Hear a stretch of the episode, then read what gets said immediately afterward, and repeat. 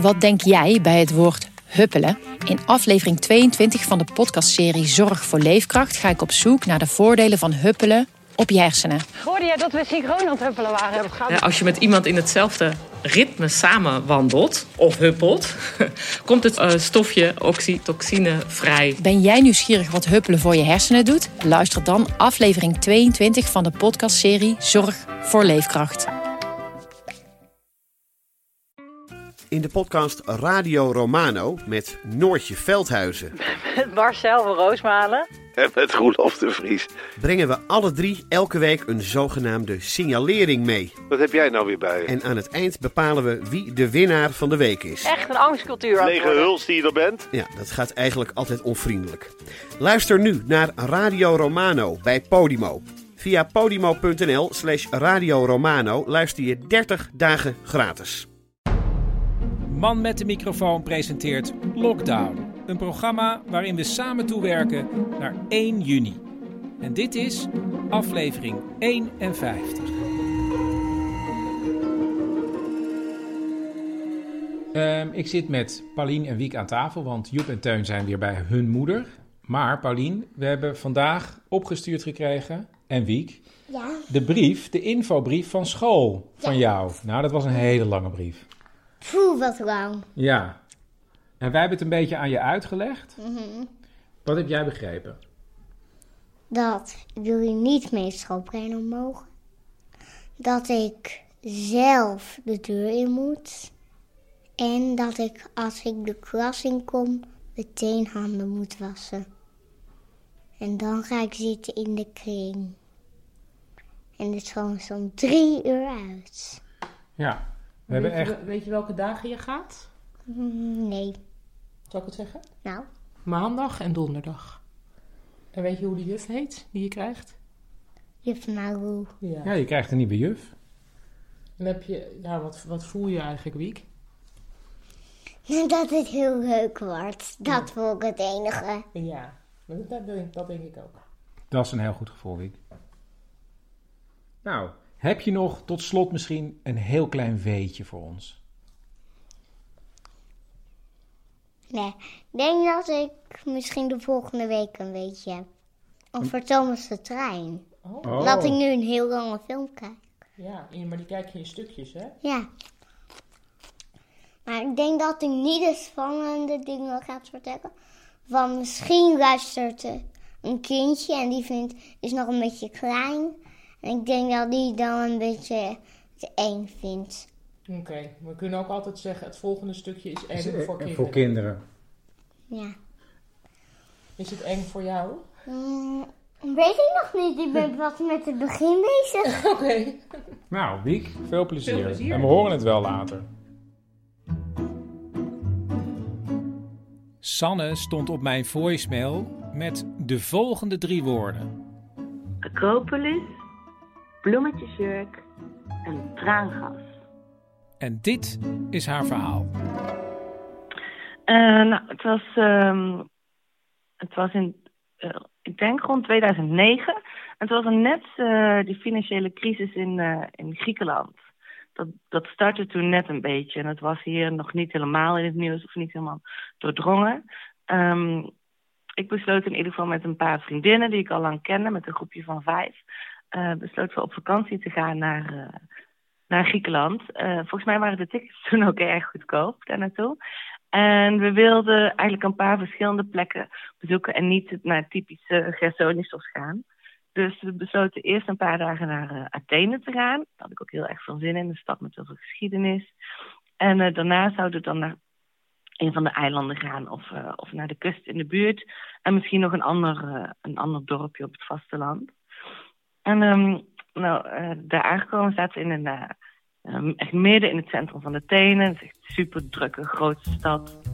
Kortom, de eerste bestemming was bereikt en de vakantie kon beginnen. En ik weet dat de, de eerste of tweede dag eh, dat we daar waren, gingen we natuurlijk de buurt verkennen en, en het centrum. En wat zo gaaf is aan Athene is dat je midden in de stad allerlei bergen, of zij zullen het wellicht heuvels eh, noemen, hebt waar je op kunt klimmen en dan overzicht hebt over die hele volle stad. En een van die bergen staat de Acropolis, een heel oud gebouw. En ik weet dat we daar bovenop stonden met vriendinnen. En het was ook zo'n typisch meidengroepje. Dus we gingen heel veel mooie foto's maken met z'n allen. En uh, van die groepsfoto's met mooi achtergrond. En nog een keer en nog een keer. En dan op, uh, op zelfstand zetten, dat het aftelt en zo. En ik draaide me zo om en ik zag over de stad eigenlijk... Ja, eerst allemaal wolken, maar het was ook heel erg donker. Best wel donkere wolken. Terwijl je ook zo de zon er overheen zag trekken. En toen ik nog een beetje beter keek, zag ik van die zwarte wolken die eigenlijk als rookpluimpjes vanuit het centrum omhoog kwamen.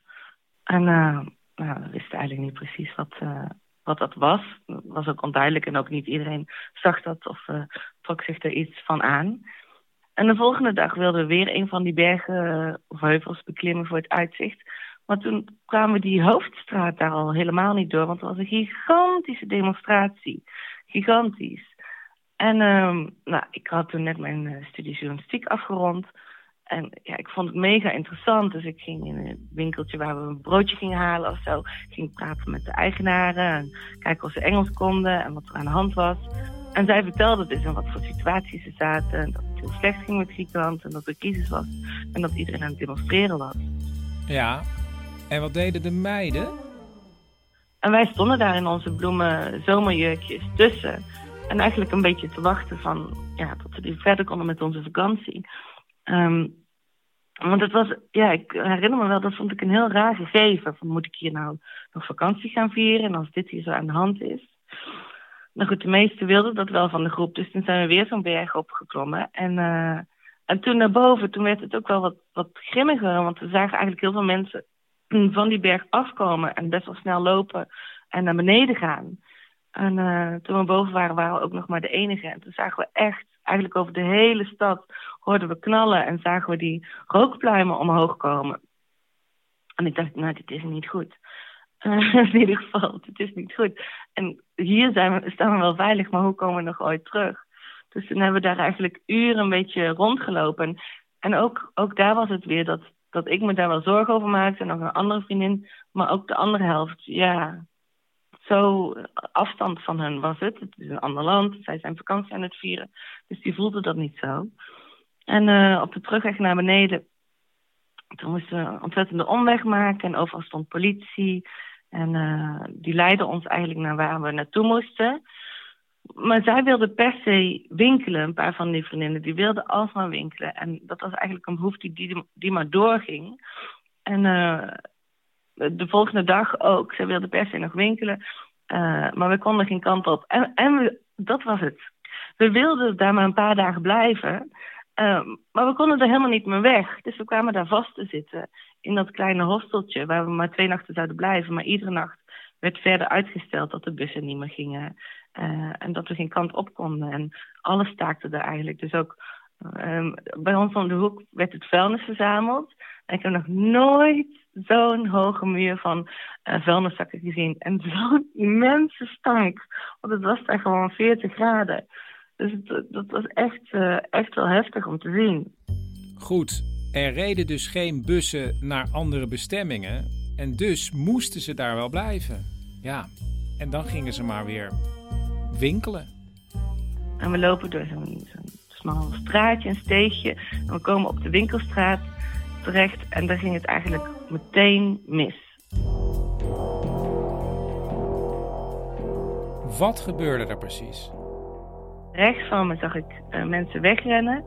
En, en links voelde je gewoon dat er iets naar je toe kwam. Uh, en, je, en, ik, en ik zag ook dingen door de lucht uh, vliegen. Dus wat dat precies was, weet ik niet. Of dat ook stenen waren, of dat het al dat traangas was.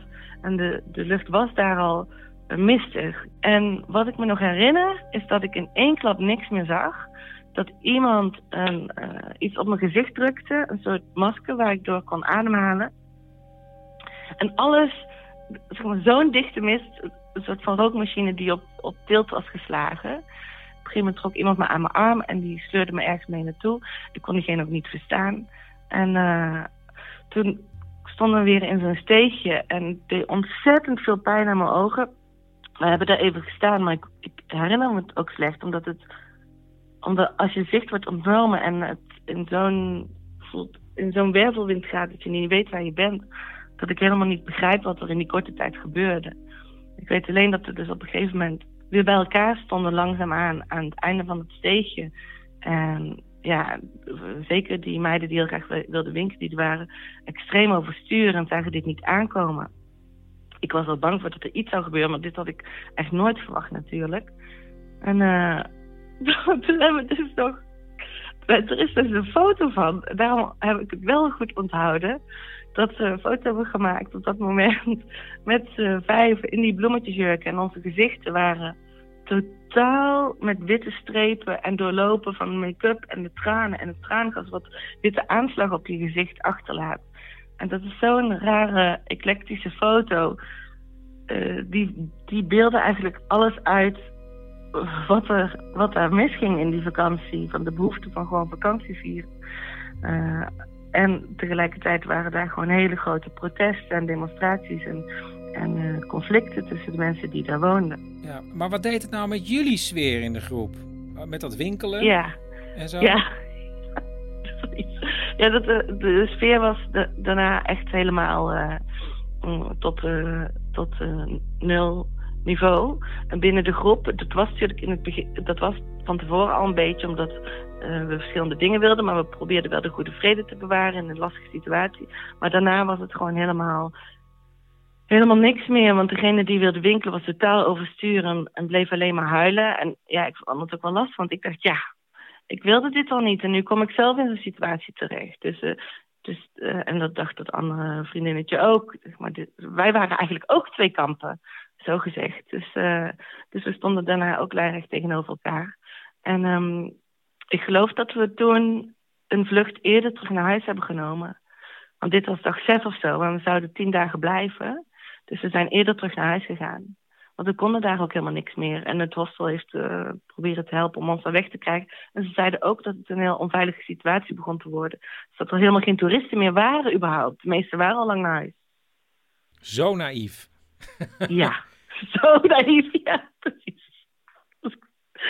Ja. Ik wist eigenlijk gewoon, dit kan helemaal niet. Dit kan helemaal niet. Maar op de een of andere manier eh, spraken we gewoon zelfs een andere taal, dat dat niet overkwam. Dat ik zag wel, samen met die andere vriendin, wat hier aan de hand was.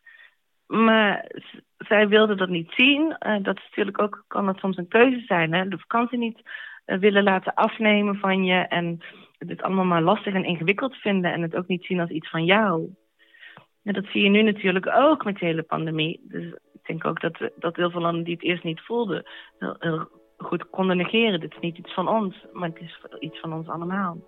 En tot slot, hoe is het eh, met het vriendenclubje geëindigd na de confrontatie? Ja, niet goed. Niet goed. Nee, dat liep al een beetje... Dat schuurde soms al. En ik weet dat ik het in het vliegtuig echt zei van... Oké, dit was een vergissing. Dit doen we niet meer. Dit doen we nu echt niet meer. Dit was aflevering 51 van Lockdown. En eh, ja, heb je zelf een lockdown verhaal? Bel dan drie woorden door naar 084 83 71 282. En verspreid het ook, hè. Eh, vertel erover op de social media over lockdown. Eh, dat helpt namelijk echt. Eh, reacties kunnen naar manmetdemicrofoon.gmail.com. En voor zometeen zou ik willen zeggen, slaap lekker of goedemorgen. Maak er een mooie dag van.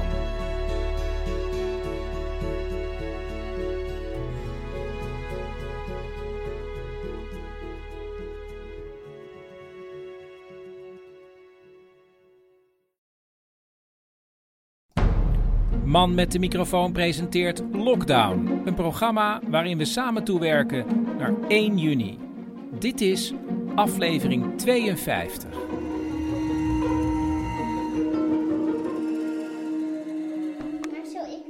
Dit is de badkamer bij ons, eh, want ik word vandaag door Paulien geknipt. moeten bespreken is hoe ziet papa's haar er nu uit? Een beetje met krulletjes. Ja, en maar lijkt het nog ergens op?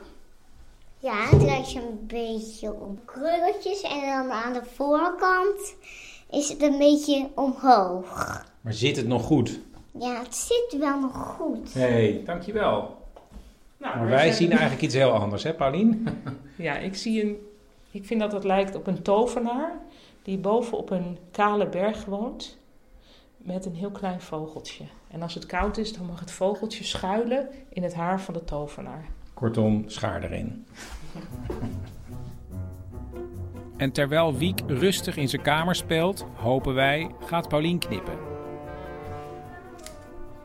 Ik ben het ook eventjes, ik ben nu je haar aan het knippen. Ja, we hebben het over hoe het eruit zou zien als de tondeuze eroverheen zou gaan. Ja, want gisteren zagen we de buurjongen, die werd in de tuin geto- getondeerd op standje 5.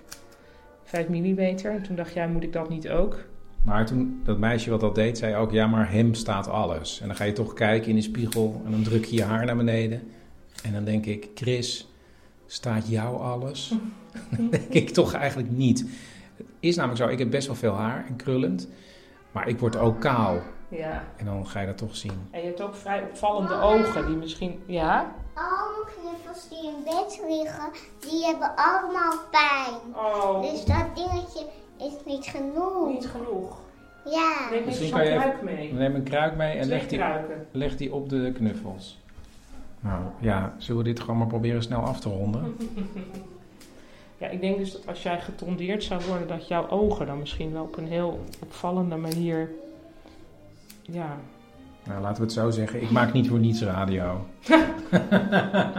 Omdat ik nogal een verbaasd hoofd je heb. hebt vaak dat mensen zeggen... Nou ja, of we hebben wel eens gehad dat iemand zei, vanwaar de paniek? Terwijl jij gewoon als jezelf ergens binnenkwam. Precies. Nou, we gaan zo even kijken hoe het geworden is.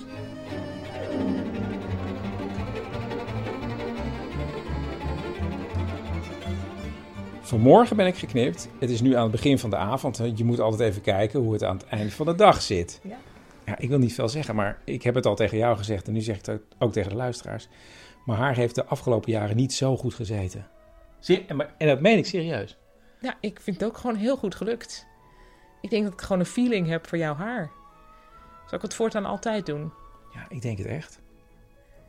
Nou, Deal? deal.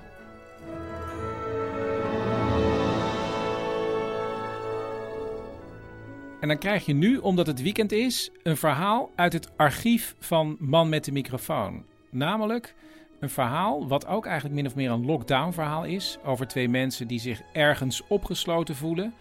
En een man die zich later zelf vrijwillig opsluit. Nou ja, het wordt allemaal duidelijk. Het is een verhaal van een van de acteurs met wie ik samen werk. Leopold Witte.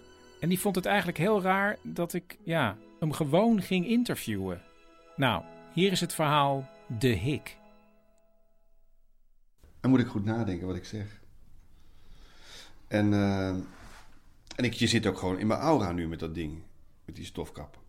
Maar als we een scène opnemen, zit ik op exact dezelfde afstand. Ja, maar dan kan ik... Dan, kan ik, dan heb ik er geen last van. Nu denk ik van, hé, hey, dit gaat over mij. Niet doen. Kom, Dan is het mijn aura. Ja, gek hè? Goed, het verhaal van Leopold. Begin maar.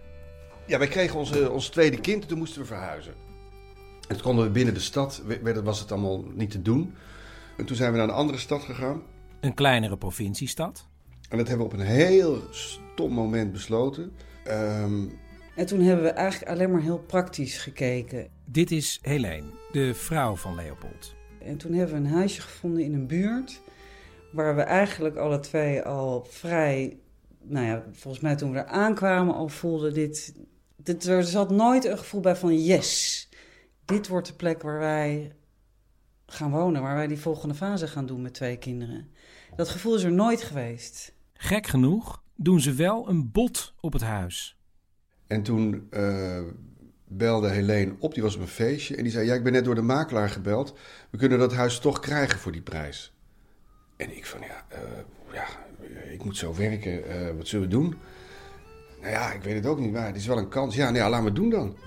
En dus kopen ze een huis in een buitenwijk van een kleinere stad. Het was een ongekend truttig wijkje. Het enige wat er was, dat waren of rollators of kinderwagens. Het was echt zo'n... zo'n het lag eh, prachtig, het lag te- tegen de duinen aan. Dus het lag... Je had, ja, op papier zag het er fantastisch uit. Maar de mentaliteit in dat. En, en ja, wij komen dan uit, uit een andere stad. We, we, we, we, mengden gewoon niet. Het, we hadden het niet het gevoel. We hadden er ook geen zin in. Gewoon. Weet je wat ook zo vervelend was? Dan stond ik, stond ik op een gegeven moment bij het supermarktje vlak om de hoek. Allemaal heel gezellig. Kon je zo naartoe wandelen.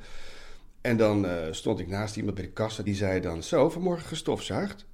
En, en ja, dat was dan zo. En ik zei: Waar bemoei je je mee? Weet je? dat ben ik niet gewend. In de, in, ik kom uit een grotere stad, dus ik ben niet gewend dat mensen dan door de ramen naar binnen kijken om te weten wat je doet. Helene doet ook boodschappen bij het winkeltje. En toen stond ik achter een mevrouw die op haar sloffen een pakje bloedworst dik kocht. En ik dacht, ik wil niet in een buurt wonen waar mensen op hun sloffen een pakje bloedworst dik kopen. Ik, ik weet er zo kriegel van. Het werd echt, echt een nachtmerrie. En ik weet wel dat ik op een gegeven moment ochtends op de bank lag met mijn dikke buik en het gordijn opendeed, naar buiten keek en huilend het gordijn weer heb dichtgetrokken van ellende. Van ik wilde daar niet zijn. Mensen in de buurt zeggen dat het gewoon een paar jaar duurt en dat je vanzelf weer nieuwe vrienden krijgt. En wij, ja, zo'n nieuwe, nieuwe vriend. Ik wil maar geen nieuwe vriend. Ik wil dat, dat mijn oude vrienden, dat ik, dat ik die gewoon, dat ik even op de fiets naar ze toe kan of af kan spreken in de kroeg. En niet dat ik op zondagmiddag dat ze een familiebezoekje komen brengen, mijn oude vrienden. Een buurvrouw denkt dat er misschien een kwade geest in hun huis hangt en regelt een specialist. Met wierookachtige toestandje. Die heeft daar met, die ging gebaren maken in iedere kamer en die voelde ook dat er iets niet goed was. Ik het, en dat past helemaal niet bij mij om zoiets aan te gaan. Maar ik dacht, alles om het maar hier goed te krijgen. Want ik zag wel dat onze oudste dochter het heel fijn vond. Want die kon zelf naar buiten, die kon zelf naar het speeltuintje. Die was bevriend met het buurjongetje. Dat waren een soort Jip en Janneke met z'n tweetjes. Dus ik voelde me alleen maar schuldig. En we kregen daar ons eh, tweede kind. En we dachten elke keer maar, ja, dit is niet het huis waar we gelukkig zijn. En het is helemaal niet fijn. En als we nou, ja, maar als we die plinten nou iets hoger maken, dan, dan wel. Of ja, maar als we daar nou glas en lood in zetten, dan wordt het toch alweer een leuk huis. Of als we, als we, dat, nou, als we dat nou verven. Ieder schroefje stond eigenlijk symbool voor dat is dan de oplossing. Dus we hebben ons helemaal gek geklust. Totdat een vriend zei, uh, je kunt toch verhuizen? Ik denk, hé, verrek. Ik, maar ja, wij woonden er maar negen maanden. Hè? En toen zei Leopold, nou oké, ga maar dan wat kijken. En dan zien we wel, als je dat rust geeft. En toen was het bij het derde huis, was het raak. Toen was het een huis waarvan ik dacht, ja, dit is wat ik bedoel. Ze kopen een oude apotheek in hun oude stad, verbouwen weer een paar maanden en verhuizen. Dus toen kwamen we hier, toen was het klaar, toen konden we erin. En toen werden we alle vier hartstikke ziek. En mensen zeiden, ja, dat komt omdat het, hangen die oude bacillen van de, van de apotheek. Daar hangen allemaal ziektekiemen. Dus ja, jullie worden ziek. En toen we hebben nou weer een verkeerd huis gekocht. Godverdomme, haal maar niet op. En Helene die, die begon ook op een gegeven moment over... ja, misschien moeten we toch weer terug. Ik, dat andere plekje was toch beter. ik zei, nou moet je god, we kregen een enorme ruzie. En nou, we kwamen er niet meer uit. We raakten helemaal in de stress. En toen kreeg ik de hik. Ik kan me niet echt het begin herinneren. Nee. nee. Nou, dan denk je, de hik, dat gaat wel over, maar dat duurde vrij lang. En dat werd vrij intens, een vrij diepe hik. En op een gegeven moment duurt de hik al twee dagen. En alleen als ik dan helemaal moe was, zakte ik uiteindelijk in een diepe slaap. En dan werd ik de volgende dag wakker.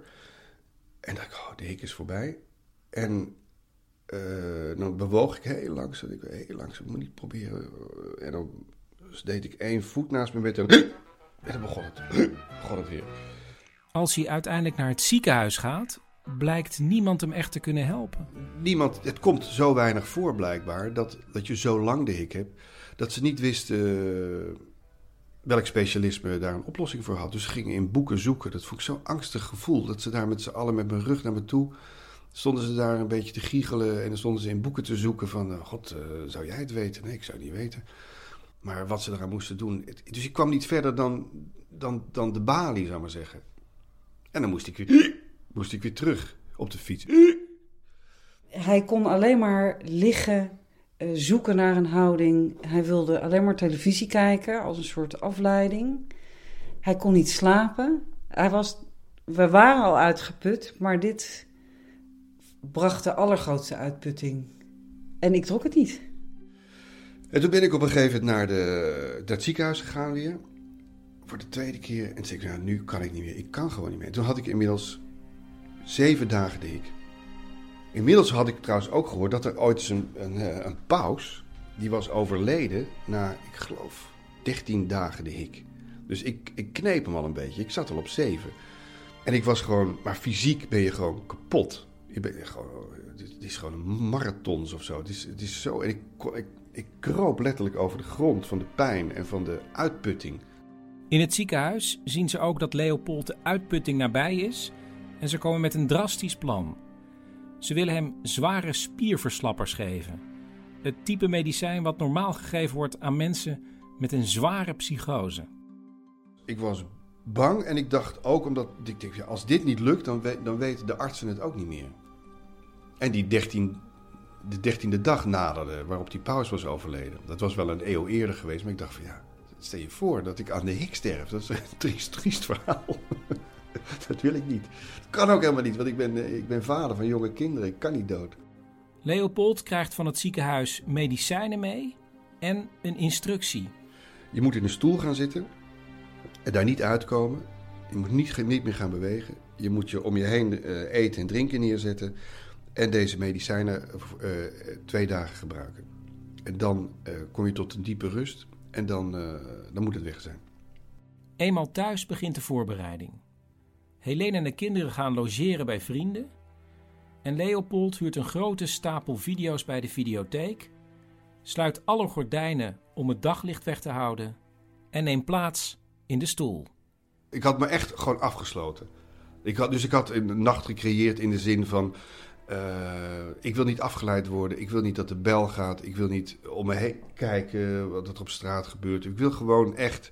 Ik wilde er zo, zo intens graag van af. Dus ik had me gewoon echt als in een hol uh, ingegraven.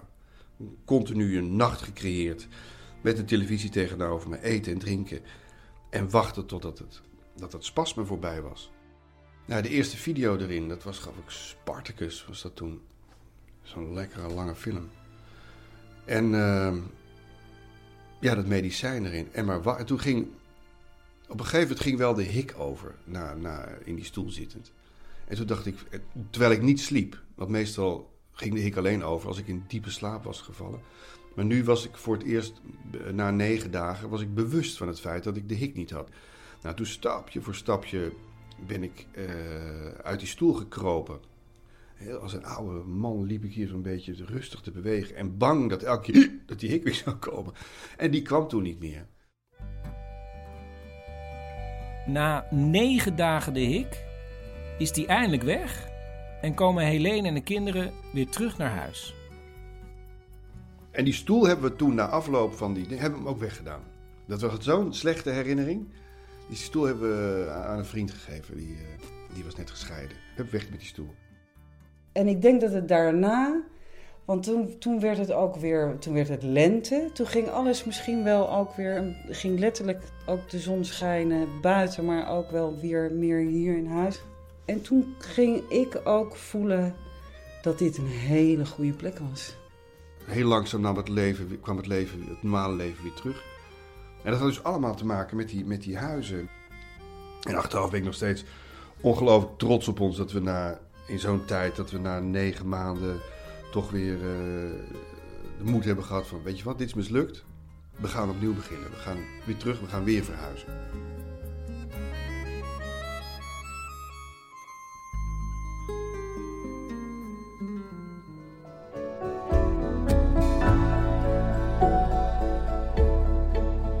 Dit was aflevering 52 van Lockdown en je hoorde het verhaal De Hik en dat kwam uit aflevering 4 van Man met de microfoon. Als je heel erg terugscrollt, dan kan je dus hele oude afleveringen van Man met de microfoon nog gewoon luisteren. Heb je zelf een lockdown verhaal? Bel dan drie woorden door naar het nummer wat staat in de show notes. Reacties kunnen naar manmetdemicrofoon.gmail.com En voor zometeen, slaap lekker Of goedemorgen, maak er een mooie dag van.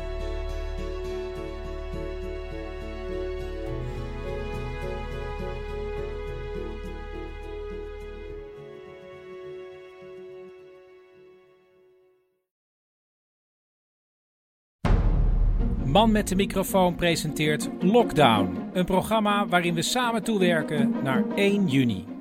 Dit is aflevering 53. We waren al bezig met het opnemen van de intro toen de kat voor de deur stond te miauwen. Dus ik naar beneden, omhoog, om opnieuw de intro in te spreken. Maar ja, dan ben je wel een beetje buiten adem. We hebben even de deuren opengezet van ons huis, want er zit een merel heel mooi te fluiten. Kunnen we ondertussen even de inleiding doen. Oh ja, want we waren gebleven gisteren bij het knippen. Nog steeds een doorslaand succes. Ja, en ik dacht tijdens het knippen, hé, hey, ik ruik poep. ja. En toen ontdekte ik dat er poep onder mijn schoenen zat. En niet van een mens. Niet van een mens, wel van een hond.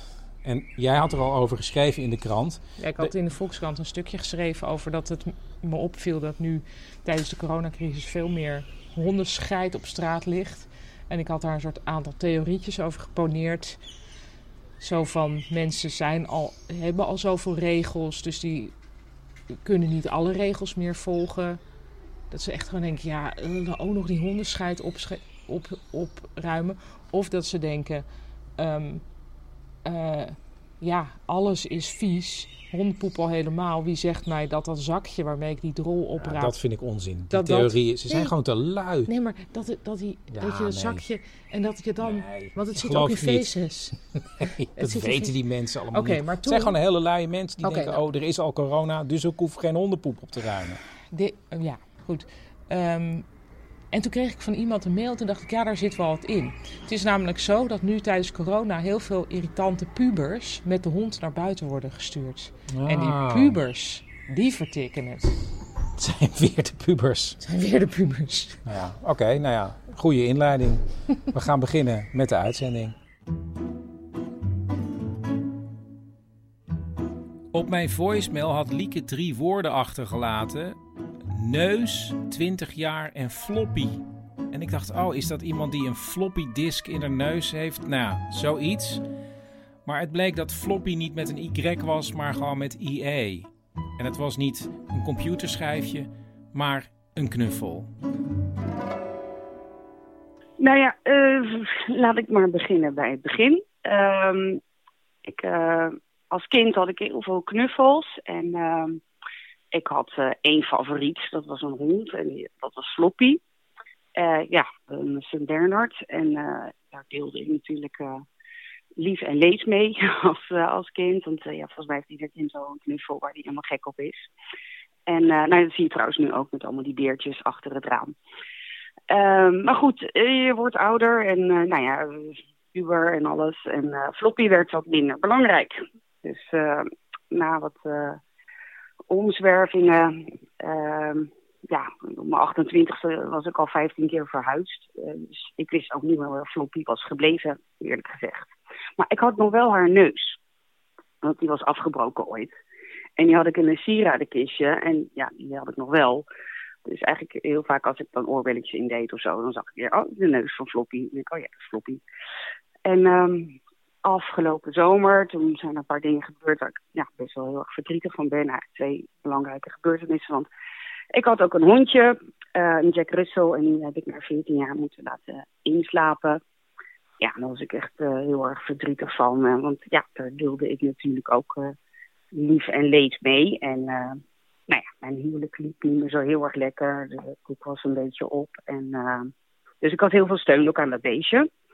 Maar die viel dus weg. En uh, nou, de tweede verdrietige gebeurtenis was... Mijn vader is overleden, drie maanden later in september. En uh, ja, dat, uh, dat hakte er best wel in. Dus, want die twee waren er altijd onvoorwaardelijk voor mij. De, altijd, ja, met liefde.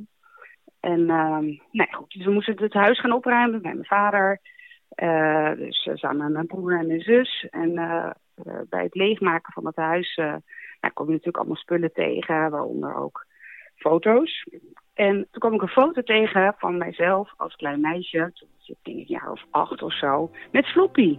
En dat is een foto die, ja, die zit echt lekker bij me op schoot. En eh, nou ja, ik zie echt mezelf natuurlijk weer terug van, van, van toen ik jong was. En dus ik werd dan natuurlijk ook wel een beetje ontroerd door die foto. En ik denk, ja, weet je, eh Lieke, eh, zorg je nog wel voor dat meisje, hè? Met, met, met, met die knuffel. En eh, ja, je staat er nu, je hebt geen ouders meer, dus eh, nu moet je het eigenlijk wel alleen doen. Dus ik had die foto, die heb ik bij me gestoken. En ik heb er ook een fotootje van gemaakt voor op mijn telefoon. Als, als openingsbeeld, zeg maar. Dus, dus iedere keer als ik mijn telefoon aanzet, zie ik mezelf met Floppy. Als reminder van, hé, hey, eh, ja, wat had je dat meisje gegund? Eh, hè? Alle kansen lagen nog open en de keuzes die je nu maakt, maakt die ook voor haar.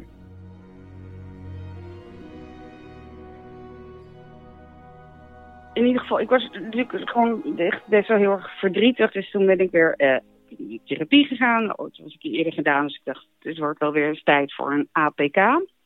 Nou, dat was op zich wel heel fijn om dat verdriet toch wel te verwerken. En nou ja, ik zei, over de relatie ook wel te hebben. En als eh, drie maanden later of zo, toen, eh, het was vlak voor de kerst.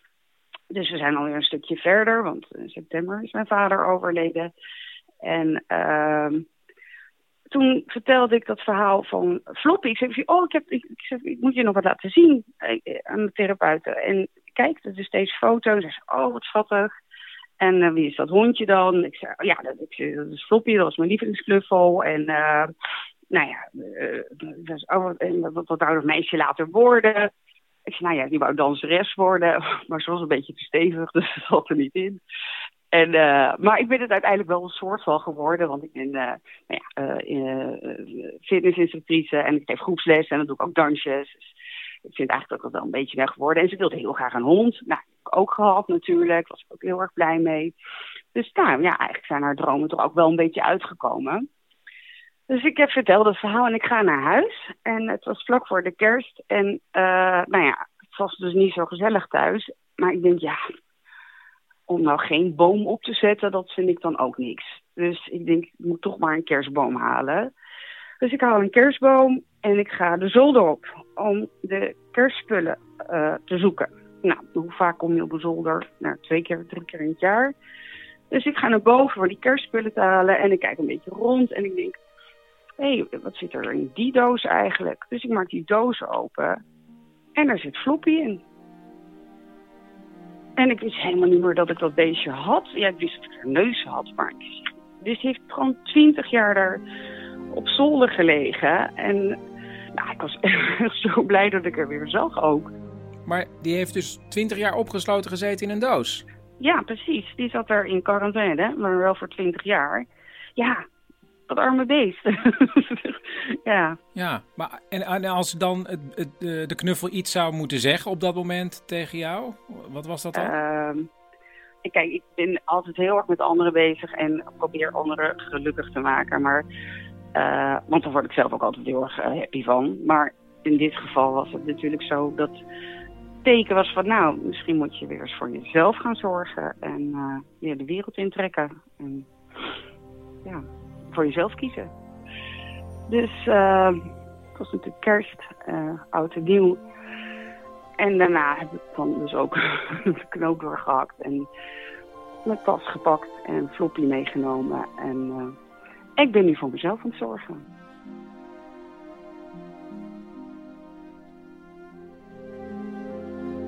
En als je 's ochtends opstaat en je ziet die hond, wat denk je dan? Van, ja, ik weet niet. Denk je dan nog iets of niet? Nou, eh, ja. Ja, er wordt wel. Er wordt, ik weet niet of ik dit wil vertellen, maar er wordt natuurlijk nog wel geknuffeld met floppy. Dus je staat op en dan geef je eh, geven jullie elkaar een knuffel en dan gaat de dag beginnen. Yes, absoluut. Praat je ook tegen Floppy? Ja. Ja, ja, ja, ja, tuurlijk. Dus met Floppy Ja. bespreek je alles nu. Wat te vragen. Eh, ja, nou niet alles, want eh, ik heb natuurlijk mijn huisgenootje, maar ik kan zeker wel wat tegen Floppy zeggen. Ja. Dus dit is maar goed dat Floppy terug is. Ja, heel erg. Dat heb je dus al die jaren gemist. Ja. Maar ik denk ook, ik bedoel, ik, ik denk ook serieuzer dat ik echt niet de enige daarin ben hoor. Dat er meer mensen volwassen zijn met een knuffel die heel dierbaar is. En het klinkt eigenlijk misschien een beetje gek, maar je, je had Floppy nodig om je relatie te beëindigen. Misschien wel, ja. Maar dat is wat je ging doen. Ja. Ja. En was het een goede beslissing? Ja. Zeker. Dus elke dag zie je nu Floppy en dan denk je, nou, ik heb in ieder geval voor mezelf een goede beslissing genomen. Ja, zeker. En eh, kijk, eh, ja, nee, zeker. Nee, zeker. Want, Je eh, wilde nog iets anders zeggen, Lieke. ja, maar dat is, kijk, weet je, gewoonlijk, nou goed, dit moet ik al misschien allemaal niet zeggen, maar goed, gewoonlijk zou ik misschien ook wel weer in een nieuwe relatie storten, want dat zou gewoon wel makkelijker zijn, zeg maar, om iets te verwerken, toch? Hè? Dat is, Zou kunnen. eh, zou kunnen, inderdaad. Maar dat kan natuurlijk ook helemaal niet, nu, in quarantainetijd, want je komt ook helemaal niemand tegen. dus ik heb echt... ja, Je zit gewoon met Floppy nu. ik zit gewoon met Floppy opgeschreven. en dan moet ik het voorlopig even mee doen. En dat is eigenlijk ook weer heel erg goed. Hè? Dan eh, kom je ook een beetje tot rust. Ik denk dat Floppy echt heel goed is nu. ja, ik denk het ook. Nou, super. Voor, Ja. voor nu is het heel goed. Ja, Ja. ja. Nee, oké, dus dan Floppy gaat op een gegeven moment wel weer een beetje aan de zijkant staan. Ja, dat dan wel. Ja, dat is misschien eh, niet heel aardig, maar dat gaat wel gebeuren, hoop ik. Ja. Ja. Heb je al tegen hem gezegd? ik ja, ze, ze, ze luistert mee. Dus, ze, eh, het is een ze. Ik zeg de hele tijd hij. Ja, nee, het is een ze. Oh, sorry. Oké, ze luistert mee, dus nou is het ook duidelijk. ze weet, ze weet dan ook als er, als er weer een man komt, dat, eh, dat ze wel een stapje opzij moet zetten. Maar ze, ze zal niet meer in een doos gelegd worden. Nee, ik zal er niet meer op zolder leggen. Dat zou eh, respectloos zijn. Nee, dat zal ik niet. Maar de slaapkamer gaat er waarschijnlijk wel uit. Nou, heel goed. Lijkt me een mooi einde van dit verhaal. Ja, oké.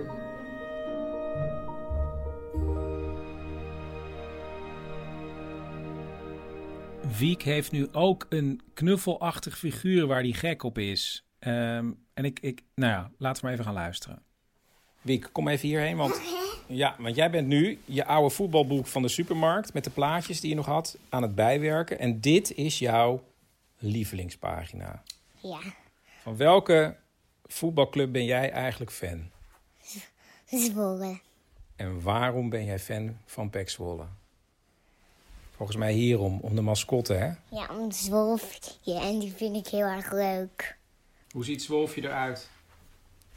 Hij is een blauwe wolf met een lichtblauw neus. Hij heeft een gestreept t-shirt aan met blauw en wit gestreept. En hij heeft een blauwe broek aan.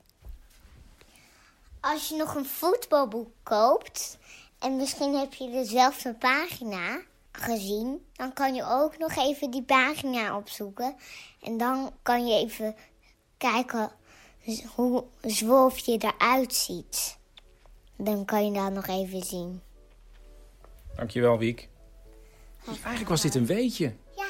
Dit was een weetje, want het gaat over... weet je welke mascotte Pek Zwolle heeft? Ja, Dankjewel, Wiek. graag gedaan.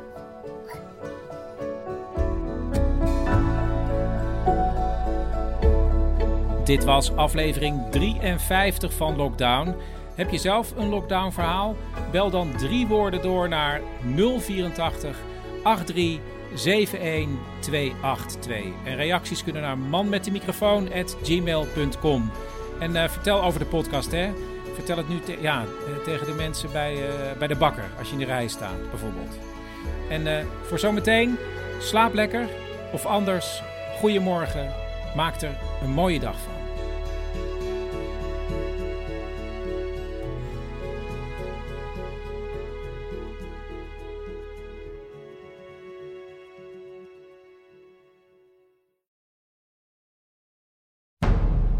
Man met de microfoon presenteert Lockdown, een programma waarin we samen toewerken naar 1 juni. Dit is aflevering 54.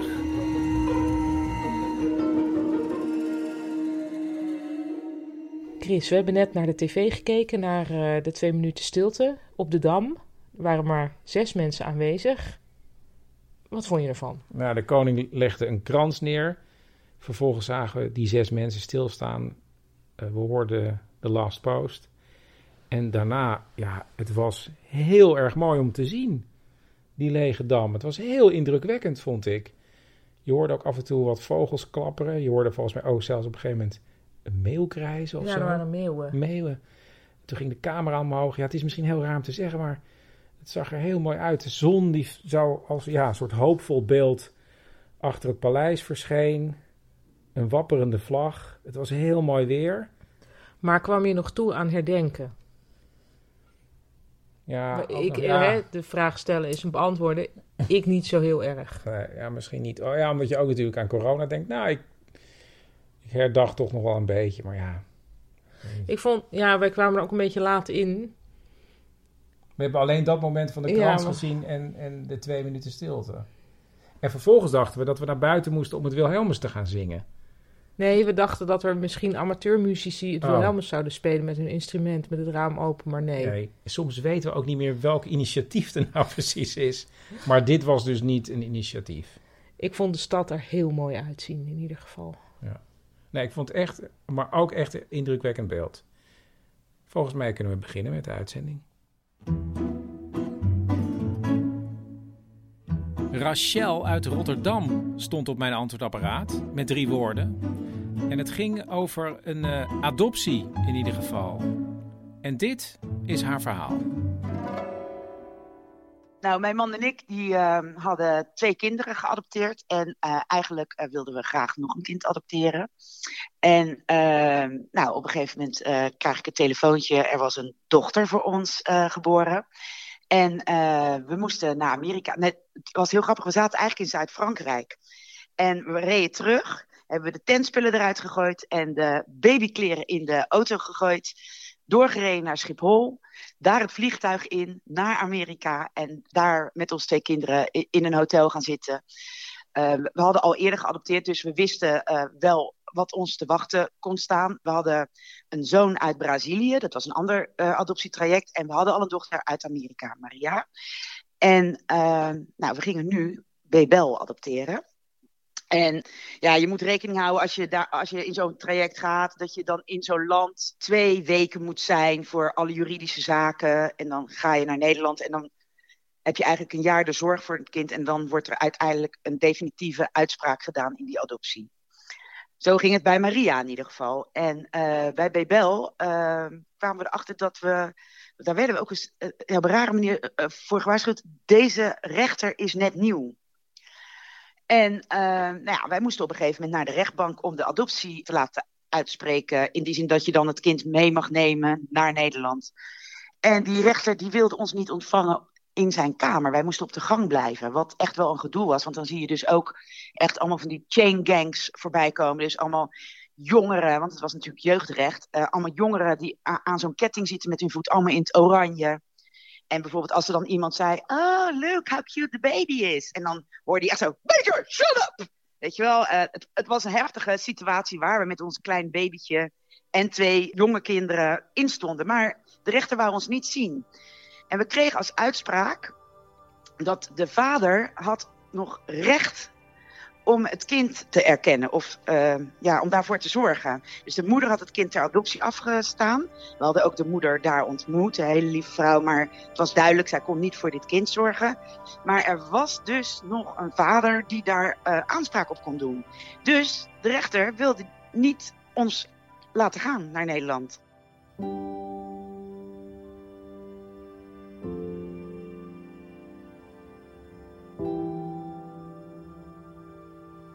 Ja, daar zaten we. We hadden zelf een advocaat natuurlijk. En die wist eigenlijk ook niet zo goed wat hij moest doen. Die was ook ineens heel slecht bereikbaar. En ja, uh, uh, wij, wij, wisten ook niet precies, ja, wat nu?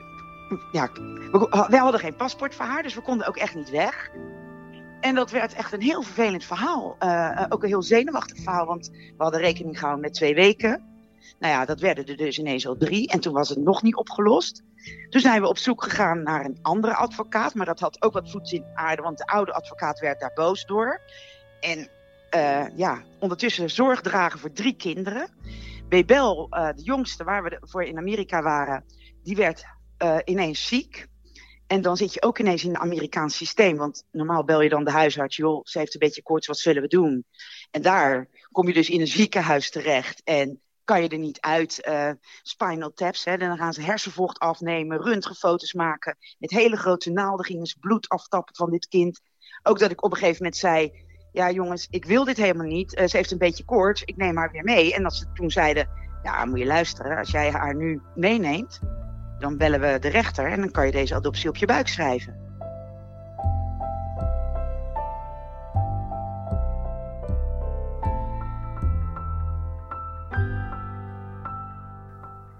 Dus ik zat met dat kind in het ziekenhuis. Ik kon niet weg.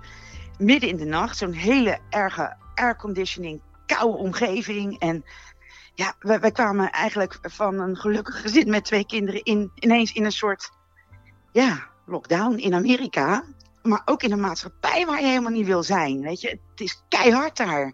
En niemand steekt dan ook een helpende hand naar je uit. En iedereen die dat wel kan doen, zit ver weg. Of wil je niet helpen. Dat is, ja, we hadden best paniek. En dat kind was ook nog eens in het ziekenhuis met allemaal vervelende onderzoeken en zo.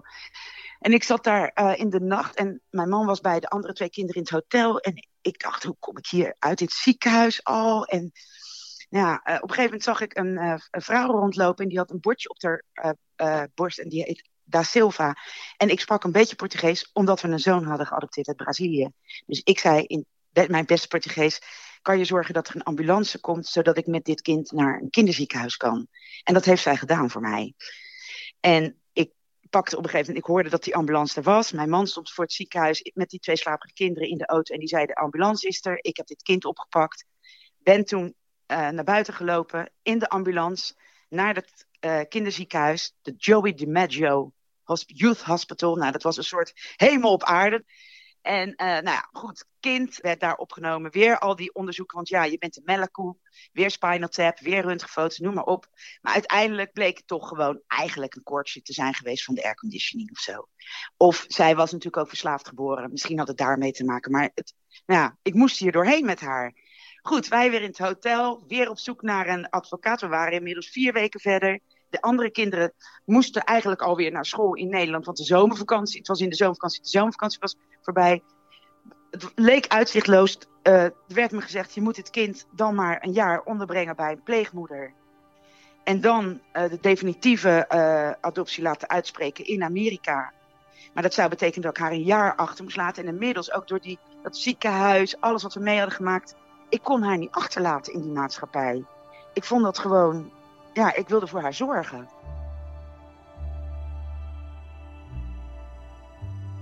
Dus uh, nou, wij een andere advocaat uiteindelijk vonden een super toffe gozer. En die zei ook, ja, hij wil jullie uh, niet laten gaan omdat hij uh, een nieuwe judge is. Er komen verkiezingen aan. En rechters worden gekozen daar. Hij durft het niet aan om jullie naar Europa te laten gaan. Hij overziet die situatie niet. Nou, en ook ja, wij bleven daar maar in dat hotel. En het was duur aan het worden. We konden het misschien wel helemaal niet meer betalen. Maar ik wilde dat kind ook niet opgeven. Ik bleef bij dit kind. Weet je, ik hield gewoon echt al onwijs van. Ook omdat ik zag dat ze onze hulp heel erg nodig had. En uh, uh, nou, uiteindelijk uh, zijn we, ik geloof, vier keer naar die rechtbank gegaan. En vier keer zijn wij niet toegestaan in die ruimte. Want ik dacht, als ik die rechter aan kan kijken dan ziet hij dat wij gewoon oké ouders zijn. En dat we het voor haar ook goed gaan doen. Ik wilde gewoon de hele tijd die recht... Daarom ging ik ook steeds naar die rechtbank. Maar ja, hij wou ons gewoon niet zien.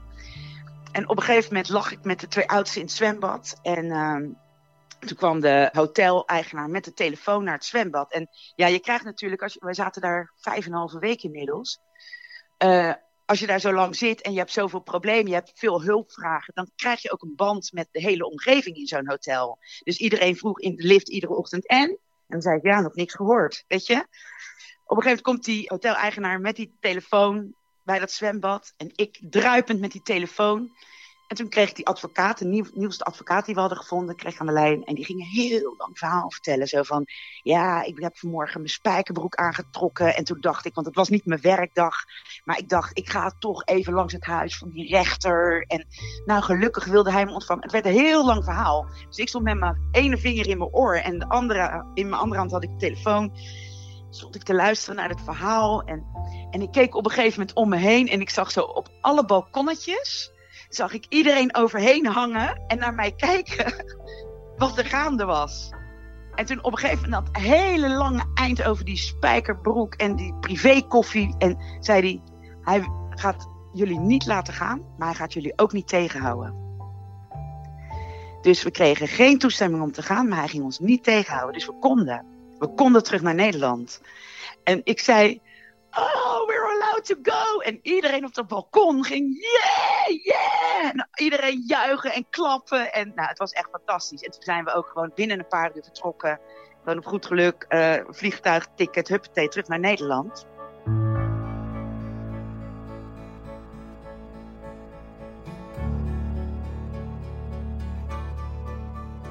Bebel is nu 13 en ze zijn nog vaak terug geweest om haar familie te bezoeken in Amerika. Er was zelfs sprake van een mogelijke vader, maar daar is al het contact mee verloren. En haar moeder is inmiddels overleden, maar ze hebben wel nog contact met de familie van de moeder in Texas. De moeders van mijn kinderen zijn de beste moeders van de wereld. Want zij kunnen ten koste van zichzelf een beter leven wensen voor hun kinderen. En ik zou je zeggen, dat kan ik niet. Ik trek ze er groot mee in.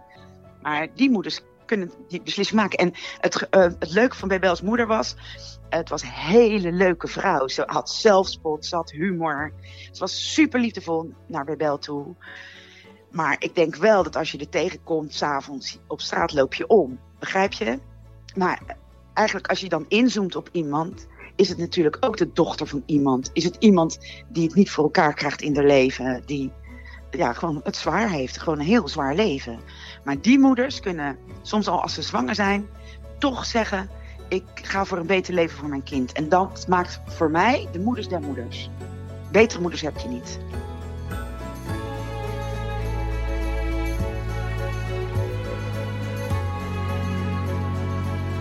Dit was aflevering 54 van Lockdown. Voor zometeen, slaap lekker of anders. Goedemorgen, maak er een mooie dag van.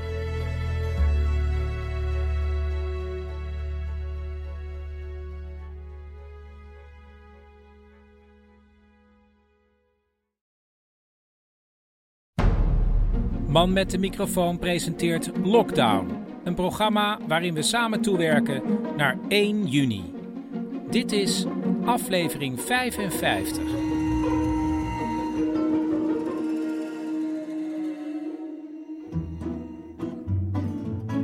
In deze aflevering, die ik geplaatst heb op 5 mei, bevrijdingsdag, hoor je weer een verhaal van Sjaan, de 85-jarige tante van Paulien en de extra oma van Wiek. En ze vertelt over de dagen nadat Nederland net bevrijd was. En toen ik haar belde, had ze iets klaar liggen wat ze met mij, en dus ook met jullie, wilde delen. Ik heb hier eigenlijk nog een suggestie. Dat is namelijk dat gedicht van Judith Hertzberg. Heb jij dat gezien uh, op het Parool, op het voorblad? Nee. Ik dacht, zal ik dat even voor je voorlezen? Je kunt het ook zo Ja, weer nee. weggooien. Maar ik vind het zelf zo'n mooi gedicht. Doe maar. Dat heet eh, Leven het verschil. Een voordeel is dat je als ik nog weet van het verschil. Alleen de stem, de toon waarop de auto met de luidsprekers... die in vele talen aanmaant... dat al die talen hier bestaan, hier mogen excelleren... of mogen lanterfanten. Iemand als opperhoofd die zonder stemverheffing geen zekerheid belooft... maar zegt dat hij zich vergewist, gelooft in uitgeplozen deskundigheid... zich nog vergist misschien, dat zal dan later blijken hoe onbeschrijfelijk, hoe onuitspreekbaar dit ontroert voor zo iemand als ik die weet van het verschil. En die betreurt dat van die iemanden er veel te weinig over zijn. Zo weinig meegenieten. Het commanderen is al afgeleerd. Ook op commando's reageren. Beperkingen ons opgelegd zijn goed bedoeld. Versterken, redden misschien. met opzet martelen bestond, bestaat nog steeds. En niet alleen in kwade landen. De bofkont die dit schrijft, is dat bespaard gebleven. Afgrijzelijke pijnen overleven. Proberen te genezen is hier en nu in vriendelijke handen.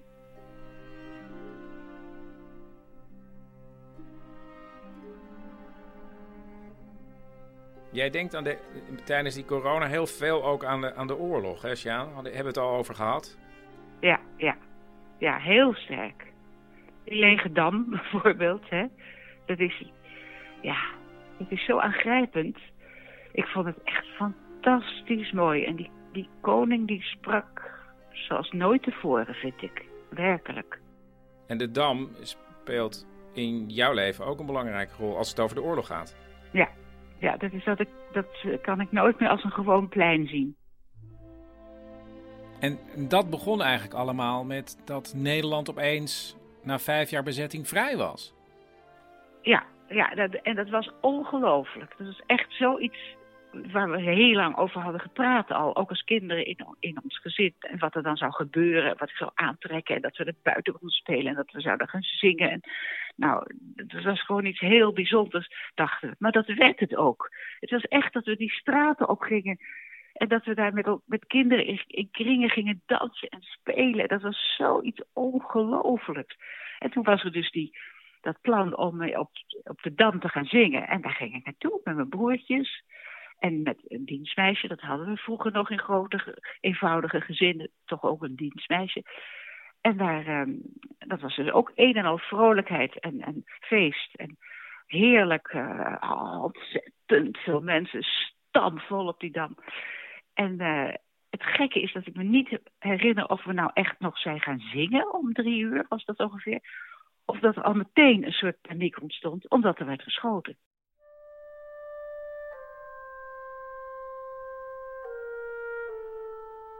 Er werd geschoten vanuit de grote club daar boven ons hoofd.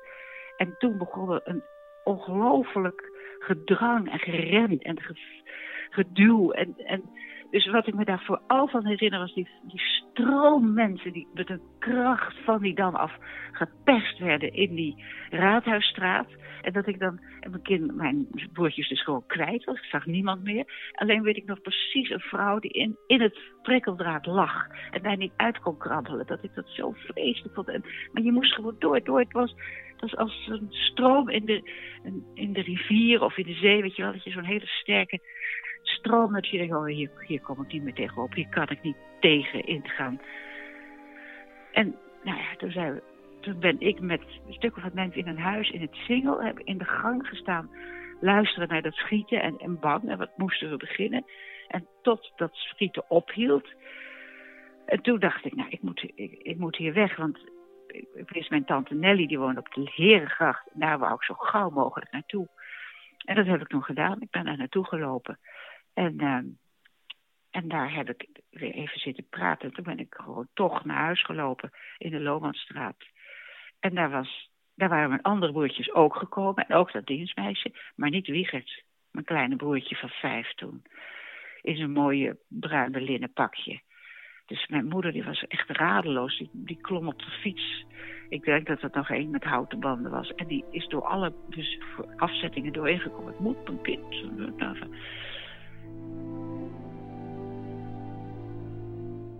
Er was een enorme mensenmassa en uh, op een gegeven moment werd er geschoten. En toen uh, werden wij dus door mensen uh, voortgestuwd door de Paleisstraat, weet ik nog wel. Dit is Wiegert, nu een man van 80, maar toen een jongetje van 5. En ik had geen idee. Ik, ik, ik liet het maar gaan en ik stroomde mee met de massa. En ik kwam dus terecht bij het postkantoor, het oude postkantoor tegenover het paleis aan de, aan de Raadhuisstraat. En daar werd ik op de grond gedrukt. Dus jongetje bleef liggen. Dus ik, ja, nou, ik was in mijn pieren eentje, want uh, mijn broertjes en zusjes die waren ook in de massa verdwenen. En uh, ik, nou, ik lag daar dus en ik dacht, ja, ik had geen idee. Dus, maar op een goed moment weet ik wel dat, dat er een, een grote man met een helm kwam, met een, uh, met een rode kruis erop. En uh, die nam mij op en die bracht mij naar het paleis. Dus, en uh, de, achterkant dus. En dan kwam ik binnen en het eerste wat, ik, wat mij opviel is dat het daar zo lekker rook. Iets heel fris was het. En toen kwam ik in de keuken terecht en uh, er was een hele aardige mevrouw. En nou, ik was natuurlijk wel een beetje opgewonden en ik... ja, mag ik misschien ook even naar de wc? Ja hoor, dat mocht. Dus ik ben op de wc van de koningin geweest. dat zeg ik dus altijd. En ook daar rook het heerlijk. En uh, nou, ja, wat is er toen gebeuren? Ja, toen moest ik mijn naam zeggen en waar ik woonde. En mijn moeder had ons dat dus allemaal uit, het, uit je hoofd laten leren. Dus dat kon ik precies opzeggen. En toen kwam er uh, op een gegeven moment iemand uh, langs en die zei... Oh ja, ik weet al wat het is. Nee, ik kan dat jongetje wel naar huis brengen, lopende dus. En ik weet dus ook nog wel dat we dus door het Vondelpark heen liepen. En dat ik dus uiteindelijk bij mijn ouders terecht kwam. En uh, daar dus een uh, voor mij onbegrijpelijke blijdschap aantrof van... Oh, hij, Wiegertje is terug. Oh, wat heerlijk. Nou, dat is eigenlijk alles wat ik er me van herinner.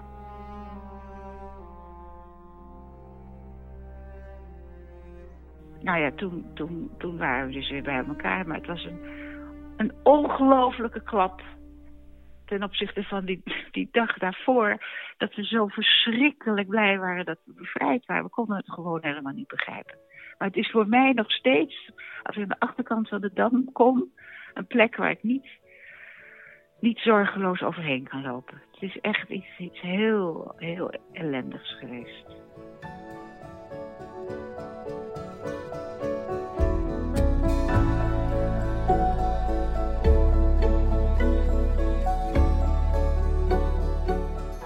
Dit was aflevering 55 van Lockdown. Reacties kunnen naar manmetdemicrofoon@gmail.com. En ik wil je ook nog even wijzen op aflevering 10 van Man met de Microfoon. Met ook een, uh, een ja, indrukwekkend verhaal uit de Tweede Wereldoorlog. En ik heb op uh, jullie aanraden weer een doneerknop achtergelaten in de show notes. Voor zometeen, slaap lekker. Of anders, goedemorgen. Maak er een mooie dag van.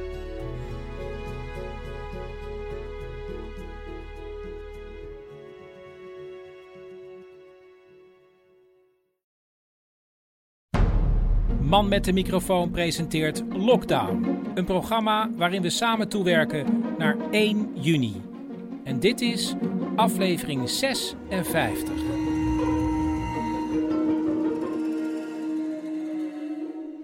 We hebben net de persconferentie gekeken. Bij mij op de bank uh, Paulien en Teun. Ik heb aantekeningen gemaakt die liggen op de bank. En ik zal even kijken. Ja, we hebben het over de exit-strategie. En we gaan ons via een overgangsfase bewegen naar de controlefase. Nou, er zijn weer een paar stappen. Vanaf 11 mei mogen dus de scholen weer open. Contactberoepen mogen weer werken. De bieps gaan ook open. En Teun, vanaf 1 juni inderdaad uh, de middelbare school. Ja, spannend. Ja, ja ik ben wel benieuwd hoe het, hoe het um, dan gaat zijn daar.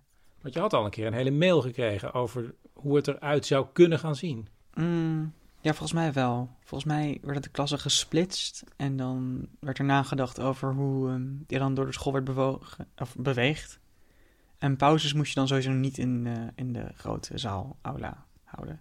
Ik denk dat jij gewoon morgen weer een mail krijgt van school. Um, of vanavond zelfs nog, want vorige keer was heel snel.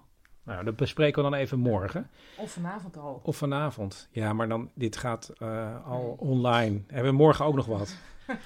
uh, oh ja, en cliffhanger voor morgen. Terrassen gaan open. Paulien, op 1 juni mag je uh, in Carré spelen voor 30 personen. Leuk dat je dat nu zegt, want het is vandaag een jaar geleden dat ik daar de enige keer van mijn leven heb gespeeld. Oké, okay, uh, gaan we door naar... Nee, ja, dus dat is een beetje... Dat, ja, dat... Uh, ja, een theater met 30 mensen... Ja, dat is natuurlijk een soort schijnmaatregel. Uh, denk ik.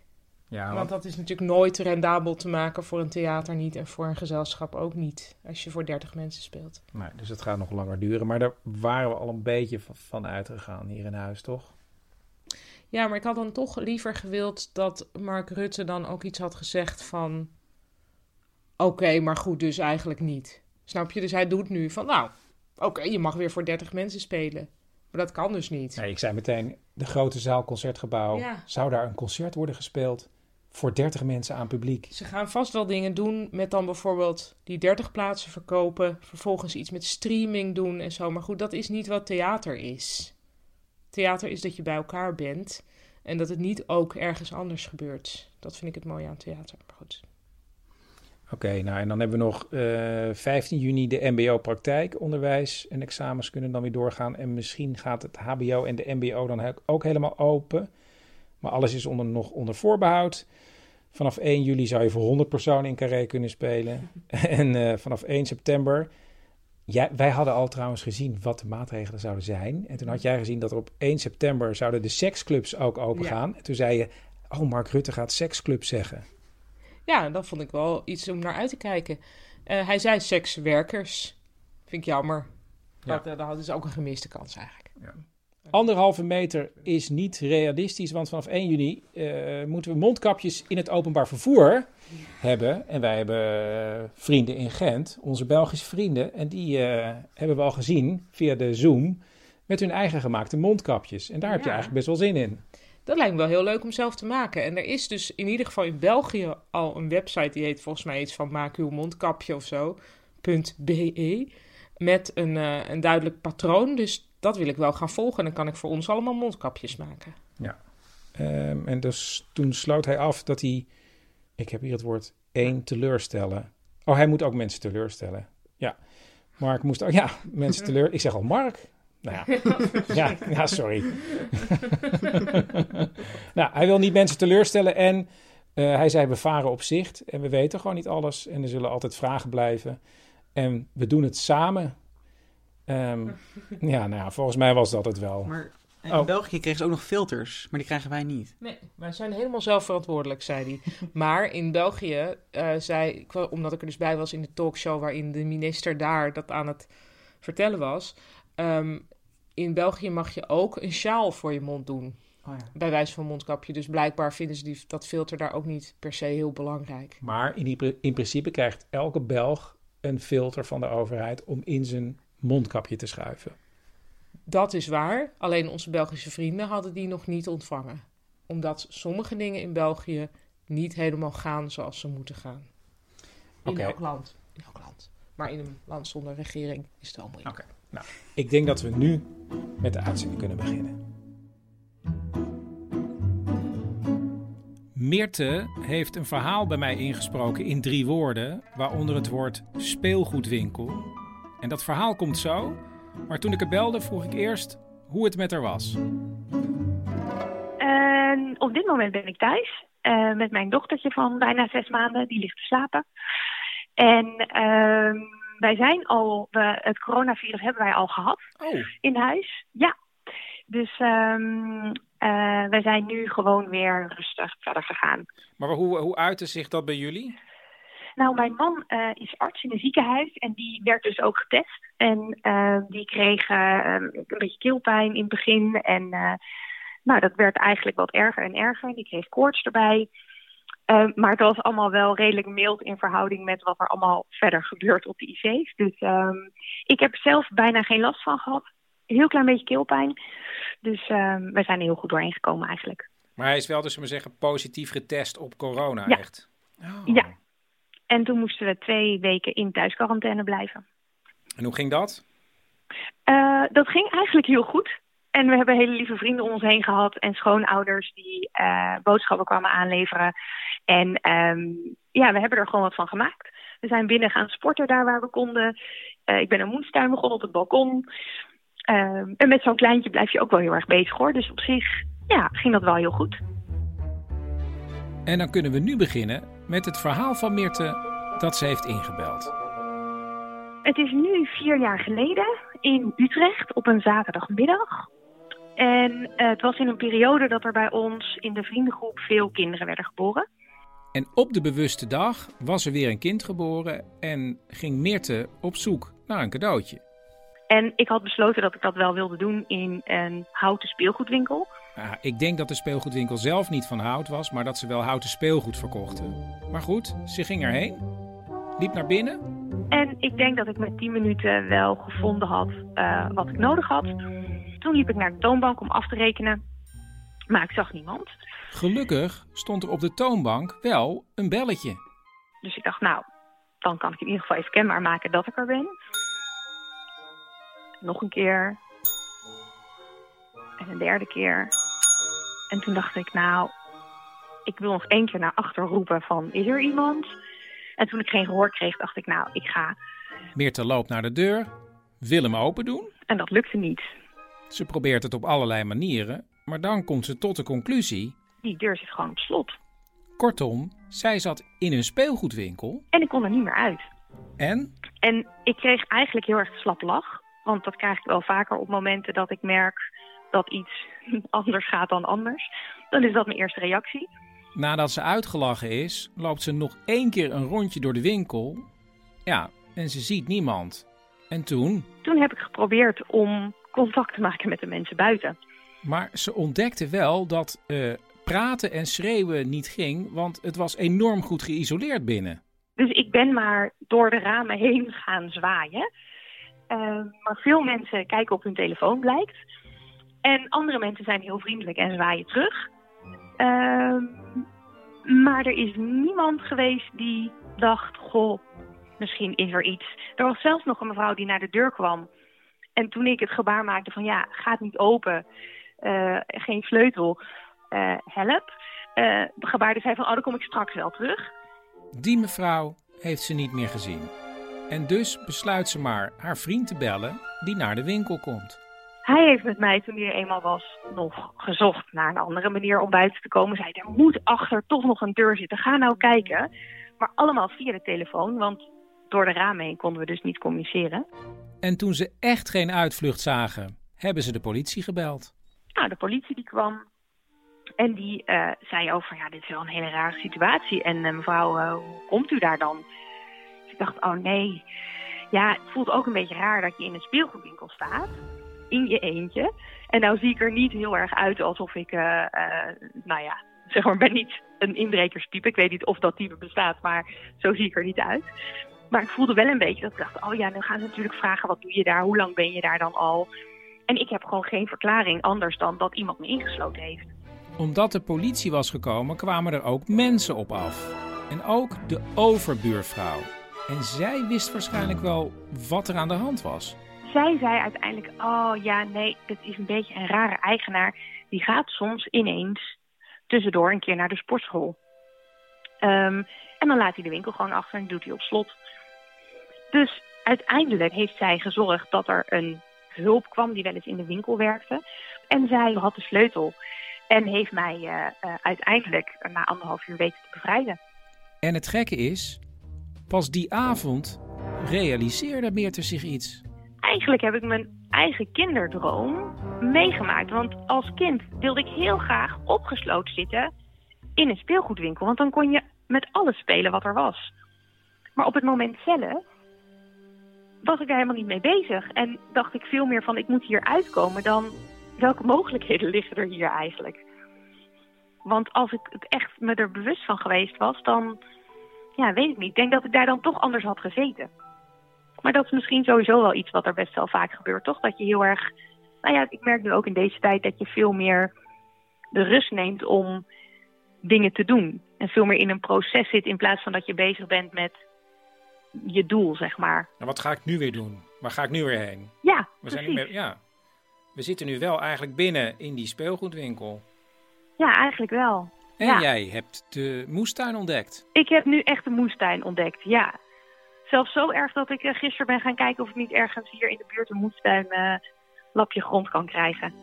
Ik weet niet of dat was gebeurd als corona er niet was geweest.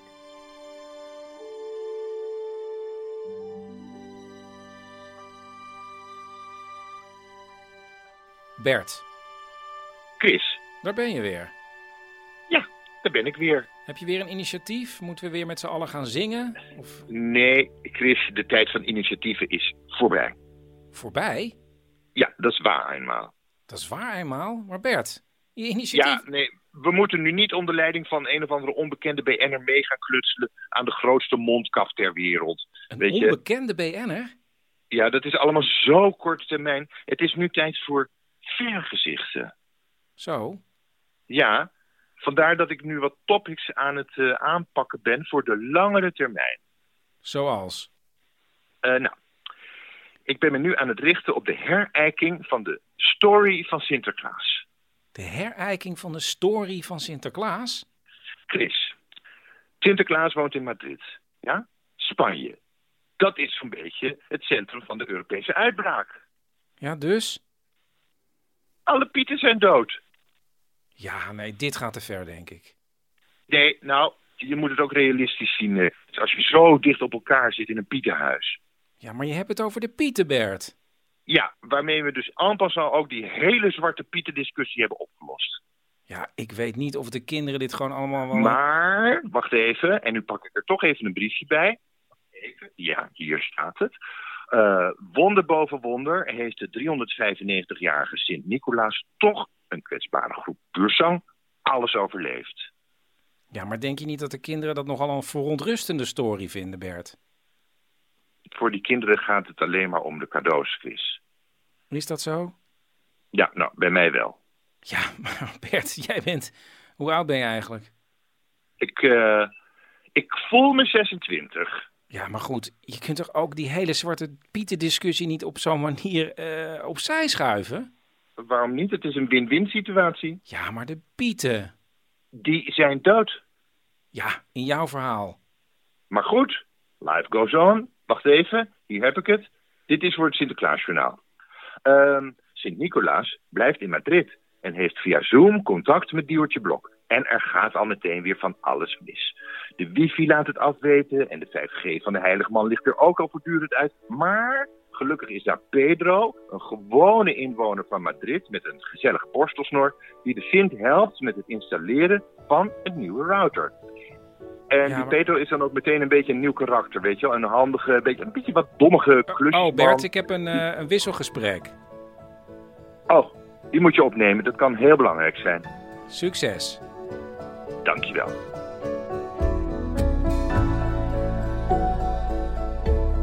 Dit was aflevering 56 van Lockdown. Eh, meegespeeld heeft Bert Kommerij. Heb je zelf een lockdown verhaal? Bel dan drie woorden door naar het telefoonnummer 084 83 71 282. Mailen kan ook. Reacties naar manmetdemicrofoon at gmail.com. En voor zometeen, slaap lekker. Of, goedemorgen, maak er een mooie dag van.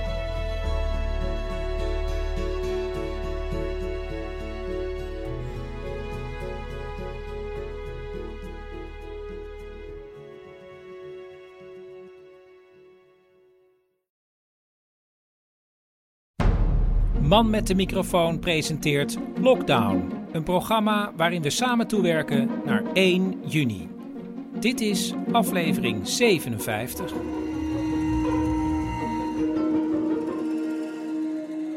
Paulien, we zitten in jouw werkkamer tussen allemaal lapjes stof, omdat we het gaan hebben over zelfgemaakte mondkapjes. Want vanaf 1 juni willen wij meereizen met het openbaar vervoer. Indeed. Indeed. En ik wil even toch vermelden dat vandaag het nieuws was, wat mij betreft, dat er een trein was waar te veel mensen in zaten. Toen werd er omgeroepen in die trein, er moeten mensen uit. Vrijwilligers, alstublieft. Vrijwilligers, alstublieft. Niemand ging eruit. Trein bleef staan. Politie kwam eraan. Iedereen eruit. Lege trein door. Maar dit is dus wat ik eh, al een paar dagen geleden noemde het muiten gaat beginnen. Ja, Mensen gaan het niet volhouden. Ja, maar goed, vol, ja, volhouden en doorzetten is het moeilijkste wat er is met alles. In het hele leven, toch? Ja. Maar ja. Ja, we want to go to the moon not because it's easy, but because it's hard.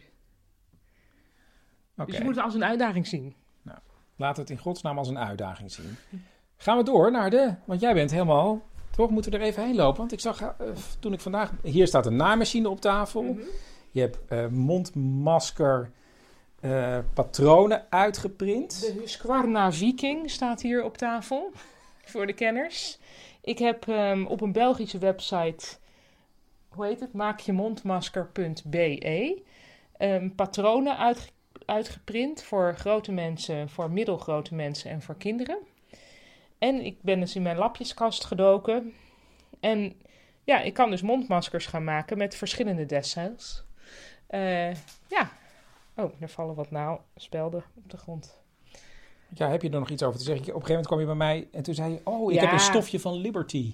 Ik heb dus ooit in Londen, waren we toen. En toen eh, waren we bij Liberty, die mooie, dat mooie heel chique warenhuis. En die stofjes, daar was mijn oma altijd heel dol op.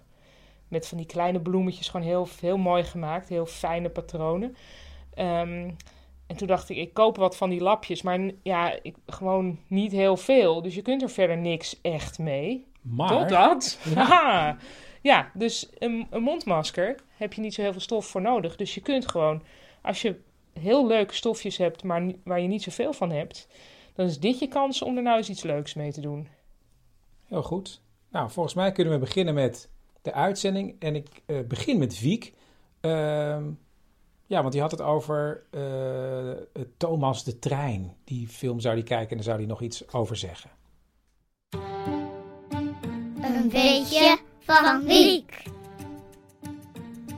Je hebt de film van Thomas de Trein gezien. Maar ik denk dat die een beetje te lang duurt om alles uit te leggen.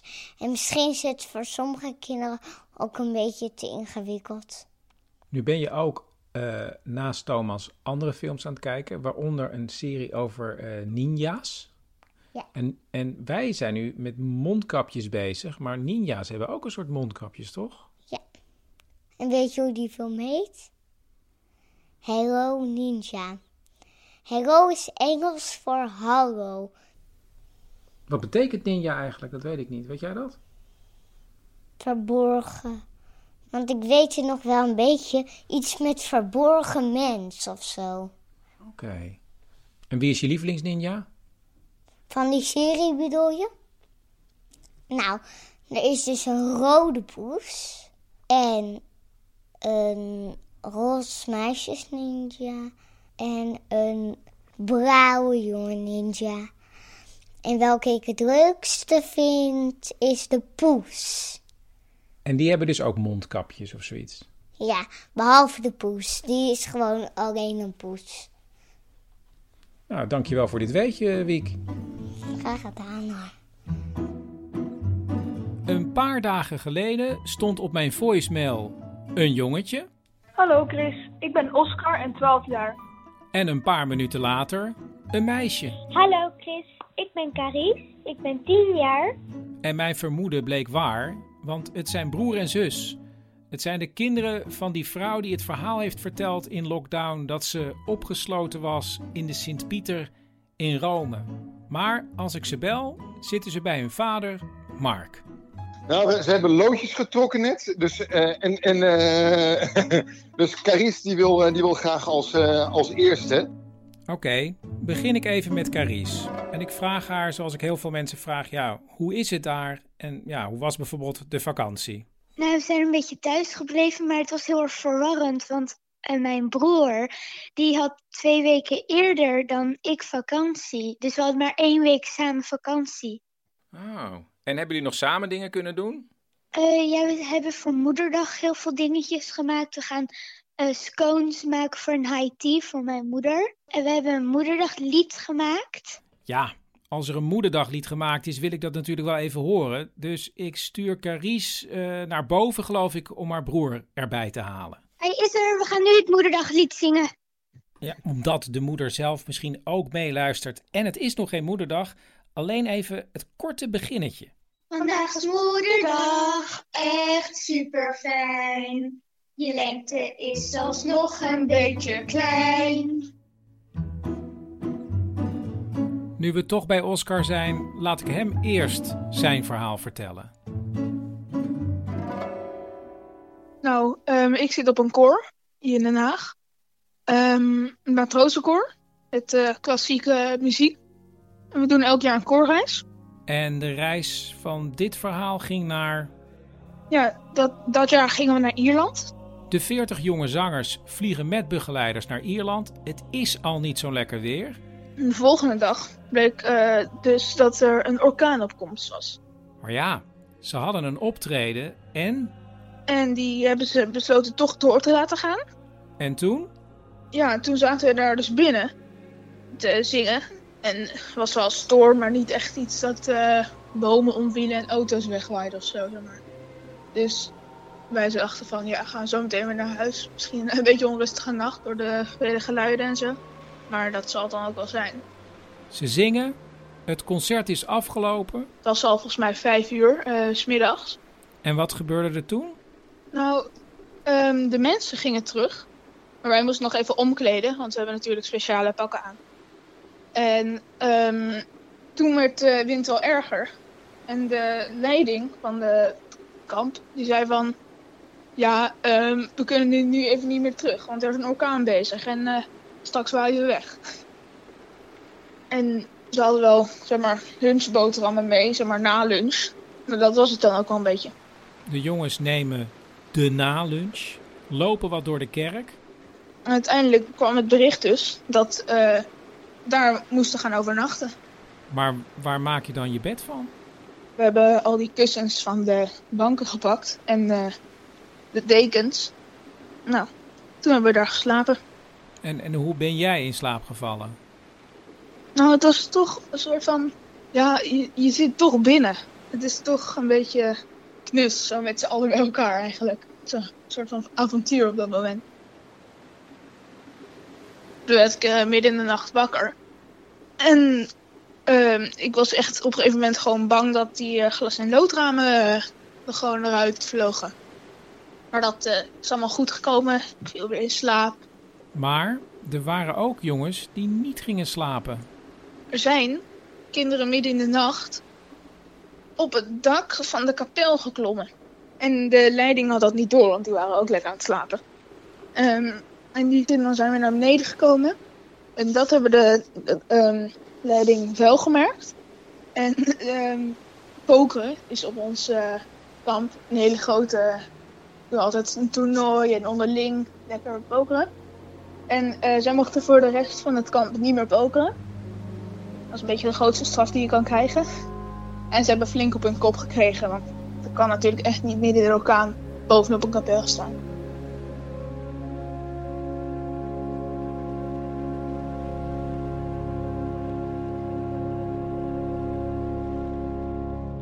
Tot zover het Haags matrozenkoor met Cantique de Jean Racine van Fauré.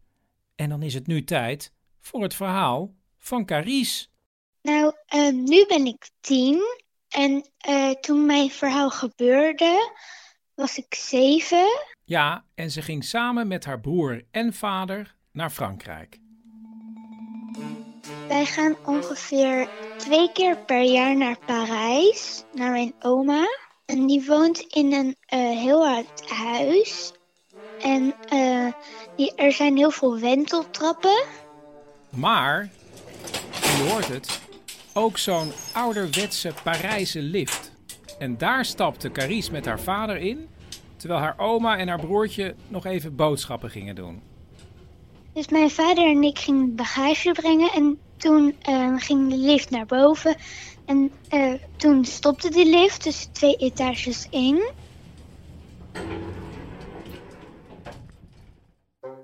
En het enige wat we konden zien was een klok. Dus ze zaten vast. Ja, dus we zaten vast. En na een kwartier hadden we op dat belletje gedrukt. De alarmknop voor assistentie. Maar er was geen reactie van, we komen eraan of zo. En toen, ehm, na twee uur, toen hoorden we nog steeds niks. Twee uur? Wat dacht je toen, Carice?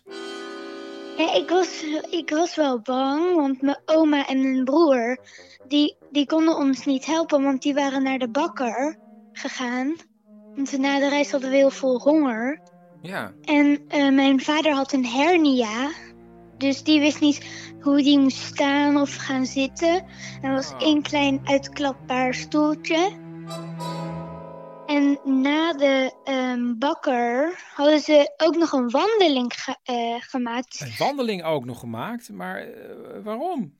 Ja, maar mijn oma die ehm, is bij, in de, bij de bergen is ze geboren en zij loopt heel erg veel. Dus daarom eh, gaat ze met mijn broer ook heel erg veel lopen. En ze nam een omweg omdat ze ja, haar benen wou strekken. Met een hele grote wandeling. En, en er kwam ook niemand langs, Caries? Nee.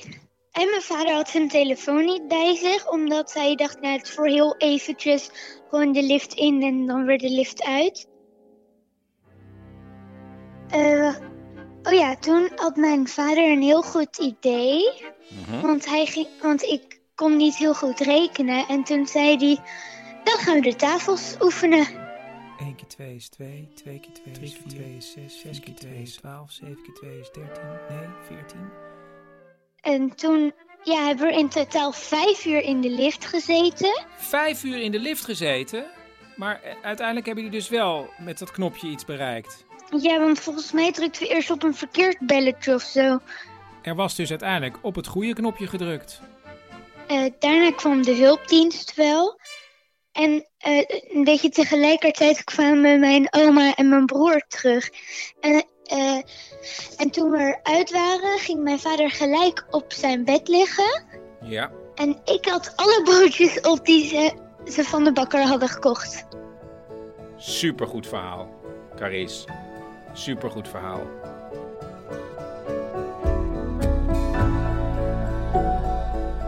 Dit was aflevering 57 van Lockdown. Heb je zelf een lockdown verhaal? Bel dan drie woorden door naar 084 8371 282.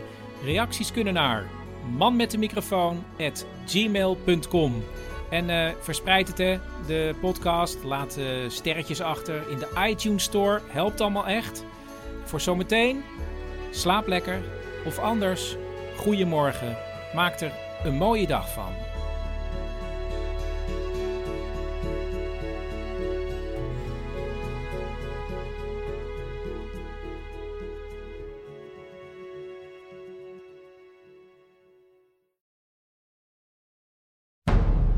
Man met de microfoon presenteert Lockdown, een programma waarin we samen toewerken naar 1 juni. En dit is aflevering 58.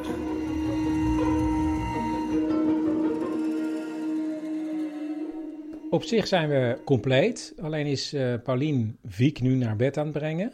Nog een droom aan het vertellen. En Teun moet nog op het allerlaatste moment een deadline halen voor Engels. Maar hier zit Joep. Ja, eigenlijk zijn we dus niet compleet. Maar... maar we zitten met z'n tweeën. En ik dacht, we gaan het even hebben over school. Want jij hebt weer een bericht gekregen over school. Ja, het blijkt dus dat ik... Ik zou normaal drie weken nog school hebben. Uh, maar één daarvan is de toetsweek.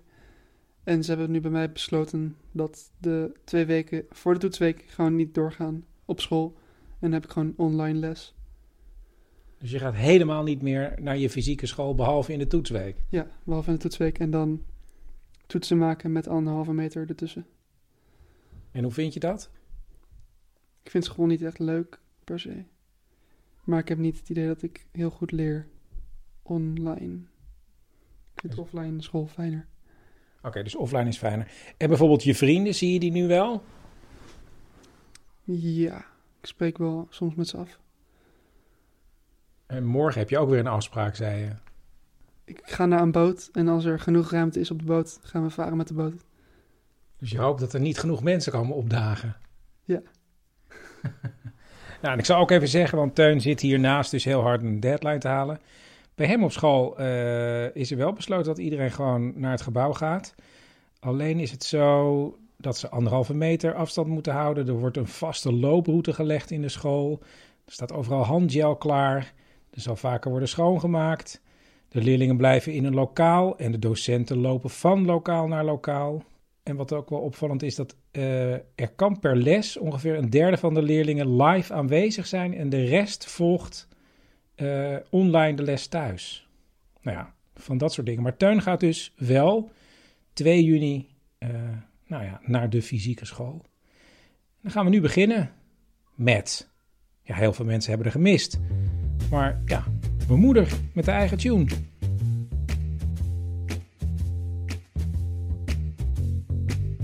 Tijd voor de moeder van Chris. Tijd voor de moeder van Chris. Oh yeah. Tijd voor de moeder van Chris. Het is weer tijd voor de moeder van Chris. wat ik nou zo leuk vind straks, dat er misschien toch weer naar het buitenland gereden mag worden. Hè? Zo zeg maar zo eh, aan het begin van de grote vakantie. Zo half juli misschien, eind juli. En dat de mensen dan weer de grens over mogen. Hè? Die grens, dat is voor een heleboel mensen oh geweldig. We kunnen weer de grens over.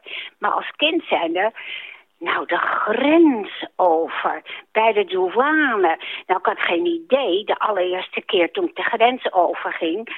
ja, wat ik erbij heb gedacht, hè, dat weet ik ook niet. Misschien wel een soort, uh, eerst een soort klein ravijntje... en dat we dan uh, aan de andere kant kwamen. Maar het was maar een simpele slagboom. En dan uh, waren we over de grens. Ik weet wel dat ik dat wel erg simpel toen vond. Van, is dat nou de grens? Maar we gingen dan uh, kamperen. Nou, van tevoren gingen we met de tent ook al oefenen in het Amsterdamse bos. Want iedereen van moest weten van... papa, wie welke stok moest ophouden. Nou, en dat, dat was ook een hartstikke leuke dag. En ik moet zeggen, als je gaat kamperen, ga altijd even oefenen. Want wij hadden ook inderdaad de tent altijd zo op. En er waren ook twee kleine tentjes mee. We hadden een grote Mercedes en we gingen dus... Wij met z'n zessen, dus vier meiden, papa en mama. En daar ging oom Joop mee en Hans mee. Dus we zaten met z'n achter in de auto. Wie was oom Joop en wie was oom Hans? Oom Joop was een uh, broer van papa. En Hans was een vriend van papa. Nou, wij gaan dus uh, aan de Moezel was een leuke camping. Nou, daar kwamen we aan. We hebben de tent opgezet. En uh, nou zei papa, het mooiste was altijd dat mama, die nam ook altijd voor de eerste avond een pan met gehaktballen mee. Ja, je kan het je niet voorstellen, maar wij vonden dat heerlijk.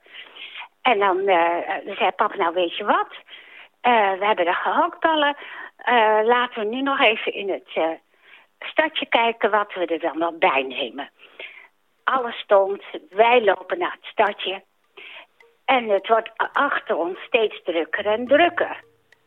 En uh, wij nog, oh, er is vast, er is vast iets in het dorpje, weet je wel. Iets gezelligs, want er liepen echt veel mensen achter ons. Dus op een gegeven moment zeggen we, joh, er zijn misschien wel, uh, ja, zweefmolen of iets anders. Nou, zegt oom Joop opeens, nou, ik denk dat wij de attractie zijn.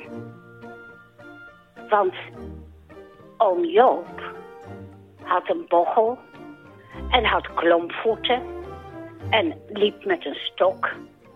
En Hans was een lilliputter.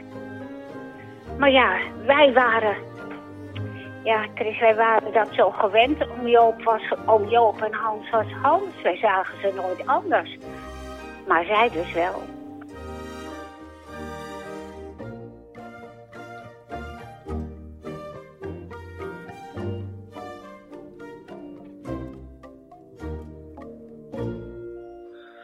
Mijn naam is Ton Soons en mijn drie woorden zijn... Zaaikorf, Pinksteren, Dubbeltje. Bedankt. Nou, ik uh, heb wat meegemaakt wat uh, zich afspeelde toen ik een kind van een jaar of acht was. En uh, wij speelden als kind in weilanden, sloten en bosjes uh, achter ons huis. En op een warme woensdagmiddag, ergens in mei, um, waren we met een paar buurkinderen weer aan het grondstruinen. Toen we verderop een boer kunstmest zagen strooien op zijn akker. Dat deed hij met de hand. Hij schudde dat uit een grote zak, uh, een zaaibak vol. En zwierde dan met grote bogen die uh, korrels uh, over zijn akker. En toen wij bij hem in de buurt kwamen, toen riep hij ons. Of iemand van ons hem wilde helpen. Nou ja, wij zeiden ja, wat staat er tegenover? Nou, dan zou hij een dubbeltje krijgen. ik heb dus over 1960, 65 of zo. Hè. Um, ja, er kon maar één kind helpen. En uh, om een of andere reden was ik de uitverkorene. Dus um, ik uh, zou hem gaan helpen. En de andere kinderen die gingen weg. Ik moest uh, die zinken zaaikorf, die moest ik met twee handen op mijn hoofd recht houden. als hij die dan vol schudde en zorgde dat hij niet kantelde. Dat was best wel zwaar, want ja, die hele zak drukte op die zijkorn. was best zwaar voor een kind om dat boven op je kop vast te houden. Eh, nou, ehm, ik heb hem zo een tijd geholpen en eh, eigenlijk was het werk nog helemaal niet klaar. Maar ik zei, ja, ik wil naar huis en krijg ik nou mijn dubbeltje. Nou, nee, dat had hij niet bij zich, zei hij. Dus eh, weet je wat, zei hij, kom zondag na de hoogmis maar naar mijn boerderij en dan geef ik jou dat dubbeltje.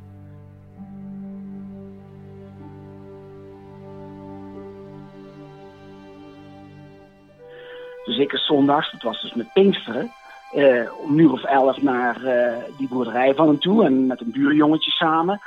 En ik zeg hem, als we dan dat dubbeltje hebben, dan gaan we daarna naar het snoepwinkeltje verderop, gaan we lekker snoep kopen. Dus wij naar die boerderij toe, maar hij was nog niet thuis, hebben we een hele tijd moeten wachten. Maar goed, hij kwam daar en eh, toen zei hij, ja, zei hij, maar ik ga je nog niet het dubbeltje geven, want je moet eerst nog wat voor me doen. Dus wij zeggen, ja, wat, wat is dat dan? Nou, zegt hij, ik heb hier een hele grote nieuwe schuur laten zetten en die ligt vol geel zand. Maar wacht even, geofant, wat is dat? Eh, ge- ge- Geel zand, dat is dus... oh, veel, eh, veel zand. Geel zand, ja. Geel zand. Ja. En, ehm, eh, nou ja, ehm, toen zei hij van, jullie moeten nou samen zoveel mogelijk rondjes lopen in die grote schuur eh, om de grond aan te stampen. En eh, als ik dan zeg dat het genoeg is, dan krijg je je dubbeltje. Nou ja, je snapt wel dat wij ons gevangen genomen voelden en uh, nog meer gegijzeld. Maar we waren gewoon bang van die man. En we zijn dus gaan rennen en lopen in die schuur, allemaal rondjes maken. En je zag hem gewoon met een gemeen lachje staan te kijken bij ons. Maar tussendoor ging hij terug naar zijn eh, woning. En wij lopen, lopen, lopen, totdat we natuurlijk hartstikke kapot waren. En toen, eh, kwamen wij, toen kwam hij terug en toen zei hij, ja, maar het is natuurlijk nog niet af, want het is nog lang niet goed. En dus hij wou het dubbeltje niet geven. En toen zijn we dus moe en verslagen afgedropen, hebben we dat dubbeltje niet gehad. En toen ik thuis kwam en het verhaal vertelde aan mijn vader, toen zei hij, ja joh, je krijgt van mij wel 10 cent extra zondagsgeld. En van die boer heb ik het dubbeltje nooit meer gehad. Heb je hem later nog wel eens gezien? Ja, het ergste is, het is een dorpsbewoner en ik woon een leven lang in hetzelfde dorp. Dus ik ben hem nog 50 jaar lang tegengekomen. Je gaat hem natuurlijk ook niet aanspreken, want ik bedoel, dat, dat, dat wordt kinderachtig als je als puber of als volwassene hem nog eens aanspreekt. Van ik krijg nog een dubbeltje van je. Ja, dat ga je nooit zeggen. Wat zou er dan in zijn hoofd zijn rondgegaan eigenlijk? Gewoon, het was gewoon een soort stiekem sadistisch iets eigenlijk. Juist, dat is het, sadisme. Sadisme. Dat is, dat, is- dat is kindersadisme. Ik, weet, je, weet je, Simon Carmichael heeft eens een keer een verhaaltje geschreven, dat ben ik nooit vergeten, Chris. Die schreef dat er een man was die een kind bovenop een kast tilde. En die dan tegen dat kind zei, spring maar, ik vang je op. Het kind springt en die vangt hem niet op. Ja, zei die papa, je mag niet iedereen vertrouwen, dat is de les die ik je wil geven. Nou, ja, dat verhaaltje, dat ben ik nooit vergeten. Daar doet dit jou aan denken. Ja, daar moet ik echt aan denken. Er zijn gewoon slechte mensen. Ja, er zijn gewoon slechte mensen.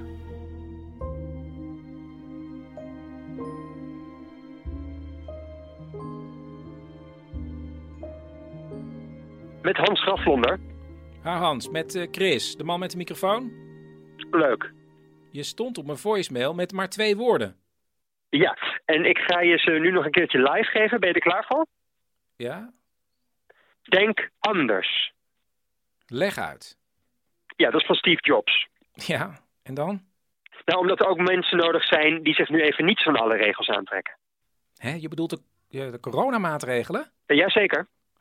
Dat moeten we toch juist samen doen? Ik bedoel, dat is toch het hele... En bij het RIVM dan weten ze dat we bestaan hoor. En dat nemen ze allemaal gewoon mee in die berekeningen. Alleen hangen ze dat niet aan de grote klok. Want wij zijn de buitenbeentjes. Wij? De rebellen. De vreemde eenden in de dagelijkse bijt. Maar het gaat uiteindelijk toch gewoon om maatregelen voor de kwetsbaren. Wij de zijn degene die het anders zien. Die niet gek zijn op regeltjes. En geen respect hebben voor de stand van zaken. Maar wat doen jullie dan? Eh, oh, wacht, dat heb ik ergens opgeschreven. Moment. Ja. Wij geven je gewoon een knuffel omdat je die verdient. Een arm om de schouder voor de steun. Wij lopen dwars over de getrokken lijnen op zoek naar cornflakes. Wij hoesten voluit op een rijpe meloen. Maar Hans, dit meen je toch niet? Je kunt ons tegenspreken of omlaag halen. Het enige wat je niet kunt, is om ons heen. En dan dus ook letterlijk, hè, qua, qua anderhalve meter. Maar Hans. Wij zijn de onruststokers. Oh, oh, wacht, ik heb het even opgezocht ondertussen. RIVM.nl, ja. Ja. Ja, nee, inderdaad, het RIVM eh, houdt eh, bij de maatregelen rekening met jullie. Maar ze noemen het hier de klootzakken. Hm. hey, dat is wel leuk, want je naam staat er ook bij. Hans Graflonder uit Delfzijl. Oké, nou, dan, dat is dan toch mooi. Sommige mensen zien hem al lood, maar ik ben een genie. Ja. Denk anders. Of misschien zou het moeten zijn, denk anders, Hans. Hè? Maar goed, dag Hans. Dag Chris.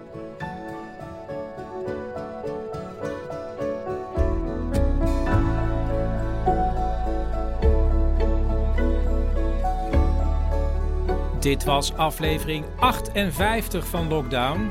Eh, meegespeeld heeft Daniel Cornelissen. Heb je zelf een lockdown verhaal, dan kun je bellen naar 084 83 71 282. En eh, ja, verspreid het hè, de podcast. En voor zometeen, slaap lekker. Of anders, goedemorgen. Maak er een mooie dag van.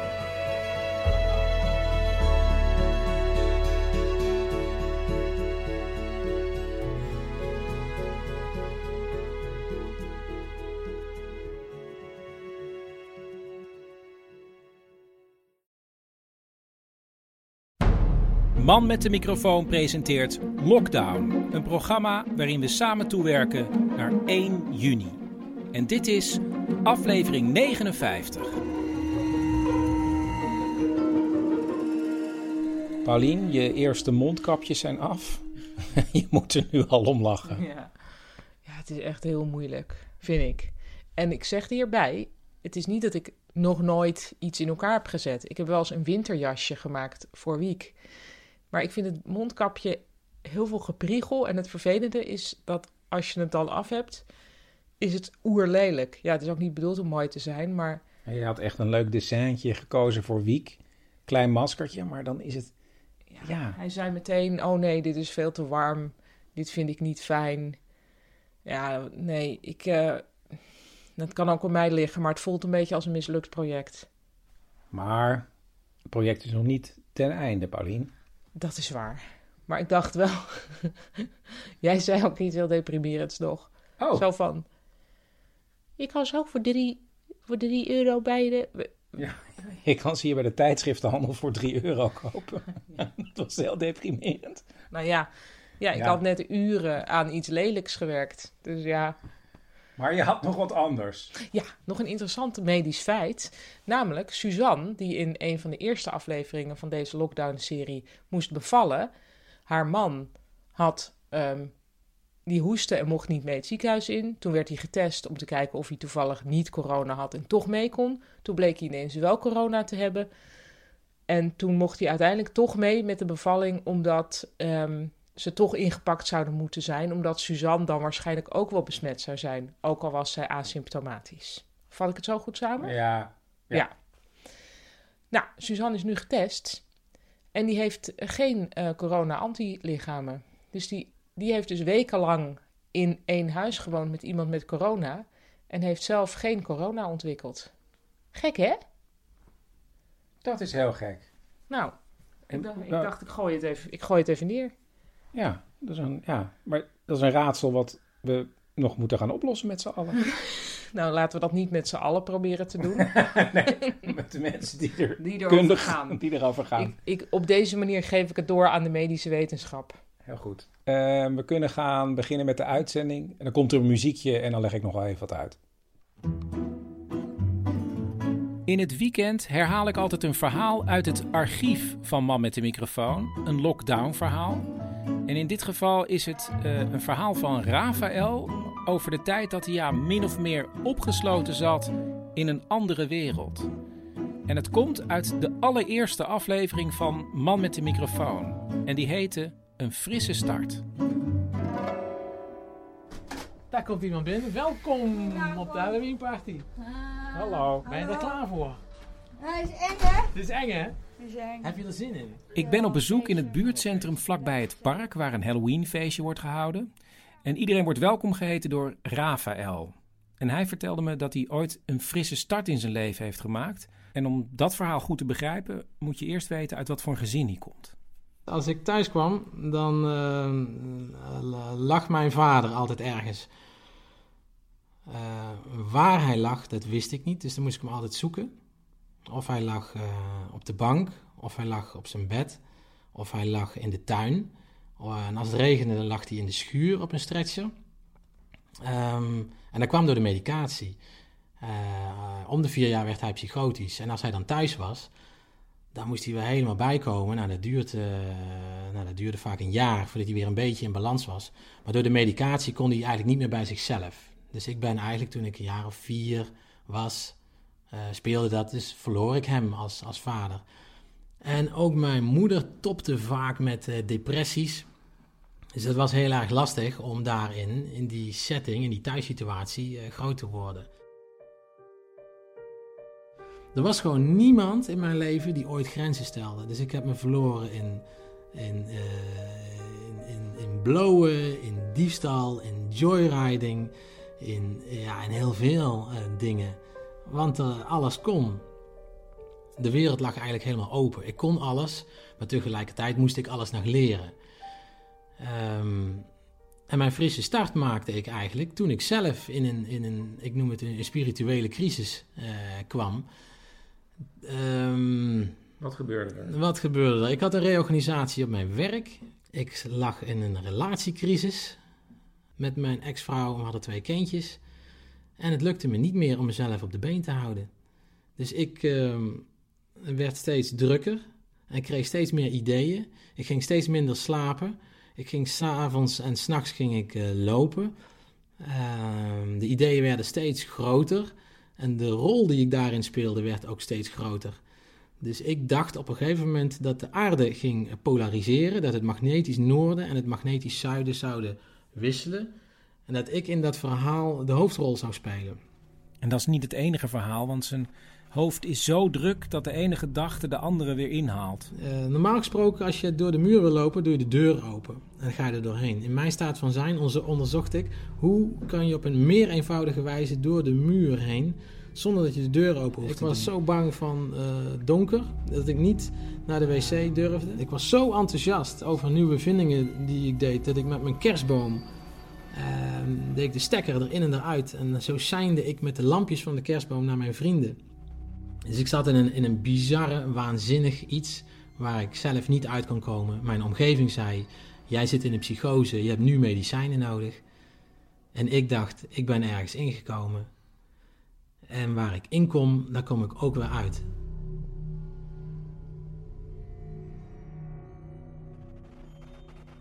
In die staat van zijn zie je beelden en zie je jezelf dingen doen. Um, en ik uh, heb twee dagen lang in een veldslag uh, geleefd, waarbij ik uh, hele legers heb aangevallen en heb onthoofd. in het donkere land, grijs, donker was die omgeving. Ik kwam bij een, een pool, een klein meertje. Daar heb ik me uitgekleed. ik had veel leer aan, leer, een beetje staal, zo'n soort Romeinse vechter. Dus ik heb mijn pak uitgedaan, ik ben in het meertje gegaan. Ik heb me gewassen. En ik was ontzettend moe. Zo moe. En daar ben ik weer uitgegaan. Ik ben tegen een grote steen aan gaan zitten. En mijn paard stond daar. Ik had ook een paard. En mijn paard was onrustig. Hij werd steeds onrustiger. Een paard werd zo onrustig dat hij was niet meer te houden. Ik ben naar het paard gegaan. En toen kwam er iets aan van achteren. Mm, ik, wist, ik, weet, ik heb nooit geweten wat het was, maar het voelde als uh, wanneer er een, een, atoombom ontploft en je hebt die, die druk, de zone die zich, uh, die zich verspreidt en die alles vermorzelt. Zoiets kwam eraan. En mijn paard voelde dat aan, maar mijn paard wilde niet weg. Dus ik spoorde mijn paard aan om te gaan en hij drukte zijn kont naar beneden. En ik vond het vreemd, want alles wees erop dat we ons razendsnel uit de voeten moesten maken. En toen zag ik een vlinder. Die vlinder heb ik onder mijn mantel gedaan.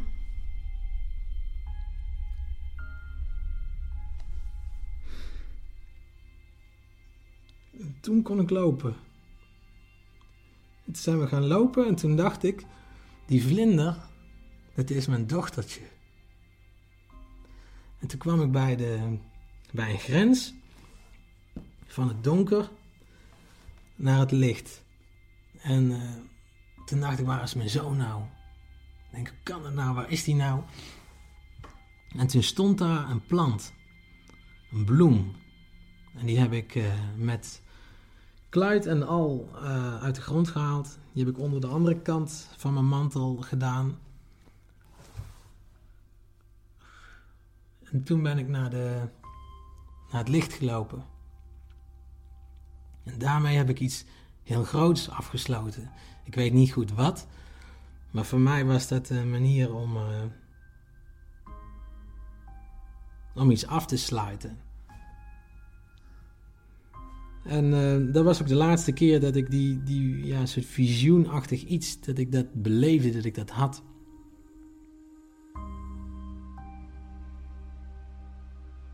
Zijn gedachten gaan nog steeds met hem aan de loop. Zijn hersens maken overuren. Maar hij houdt het vertrouwen. En dan is het tien dagen later. Toen was er een nacht op een gegeven moment dat ik wakker werd. Ja, en uh, toen werd ik voor de eerste keer echt wakker. Dus het leek alsof ik hier voor de eerste keer op aarde was. En ik keek om me heen en ik vond alles zo mooi en alles was zo intens. En ik stapte onder de douche en ik genoot van de sensatie en de intensiteit van die stralen op een manier zoals ik nog nooit uh, genoten had. Dus alles was nieuw. Dus ik kon mijn leven volledig opnieuw vormgeven. Rafael gaat naar vrienden op het platteland, op een boerderij, um, waar hij structuur zoekt. Drie keer per dag eten, veel wandelen, ook rennen. En langzamerhand komt hij weer meer bij zichzelf. En ik ben rustig, rustig gaan voelen van wat ik nou, uh, wat voor mij belangrijk is in het leven en wat heb ik nodig. En ik ben een, uh, een, een, lijstje gaan maken van wat ik, wat ik allemaal wil. Uh, ik wilde een, een, motor om mee naar mijn vrienden te gaan. Ik wilde dingen doen die ik graag wil doen. Die, maar het moet gewoon voelen als vakantie, anders klopt het niet. Um, en ik wilde een balletje 60 keer hoog kunnen houden. Zodat ik gewoon, uh, ik wil gewoon goed in mijn, in mijn fysiek zitten. En de meeste mensen die uh, in en uit de psychose gaan, uh, die komen daar niet sterker uit dan dat ze erin gingen. Uh, en ik wilde mijn voordeel doen met dit natuurverschijnsel. Ja, het, het rare voor mij af en toe is om te blijven beseffen dat die hele gebeurtenis, die aan de ene kant verschrikkelijk naar is, ook iets is wat hij koestert. Ja, dat kan niet anders. Hetzelfde dat je het leven koestert. Dat wat jou raakt, emotioneel, dat is het meest sterke. Dus iemand die verliefd is, en als je die persoon zou vragen, ja, maar het lijkt wel alsof je dat koestert. Ja, dat zijn de, de essenties, dat wat jij als heel intens ervaart. Dus ja, dat, dat, is, uh, dat is belangrijk voor jou als mens. Ja, mijn eigen ervaring heeft me opgeleverd dat ik uh, mijn eigen ervaringen en deskundigheid inzet voor mensen die worstelen met een uh, verward realiteitsperspectief. Want dat is wat de psychose is. Omdat we hebben een open podium ook straks. Dus zij doen ook een act. En dat is eigenlijk ook mijn, mijn streven hier in dit buurtcentrum. Om uh, verschillende groepen bij elkaar te brengen. Van kwetsbare burgers en mensen uit de buurt. Maar ook gewoon sterke krachten. Om er samen en met elkaar iets, uh, iets van te maken. Ja, we, we, doen van alles met elkaar. Uh, we vieren feestjes samen. We koken samen. We eten samen. veel mensen zijn eenzaam. En dit is echt een plek waar we samenkomen. En dingen samen delen, samen televisie kijken. Het zijn hele gewone dingen, maar uh, heel fijn en waardevol voor mensen die, die hier komen. Tot slot nog even een belangrijke opmerking van Rafael. Dit is mijn manier, dus ik ben helemaal niet voor of tegen medicatie. Ik heb alleen, ik had de ervaring van een vader die kapot is gegaan aan medicatie. En dat maakte dat ik het zonder medicatie wilde doen. En dat het mij gelukt is, is geweldig. Um, maar dat die kans heel erg klein is dat eh, het lukt, dat realiseer ik me ook.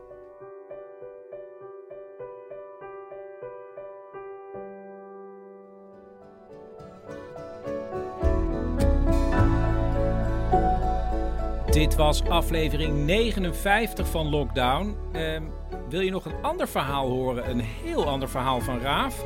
Eh, ga dan naar aflevering 3 van Man met de microfoon. Ehm, ja, ik zou zeggen, verspreid de podcast. Mocht je zelf een lockdown verhaal hebben, dan kun je bellen drie woorden door naar 084 83 282. Reacties man met de microfoon at gmail.com. En voor zometeen, slaap lekker. Of anders, goedemorgen. Maak er een mooie dag van.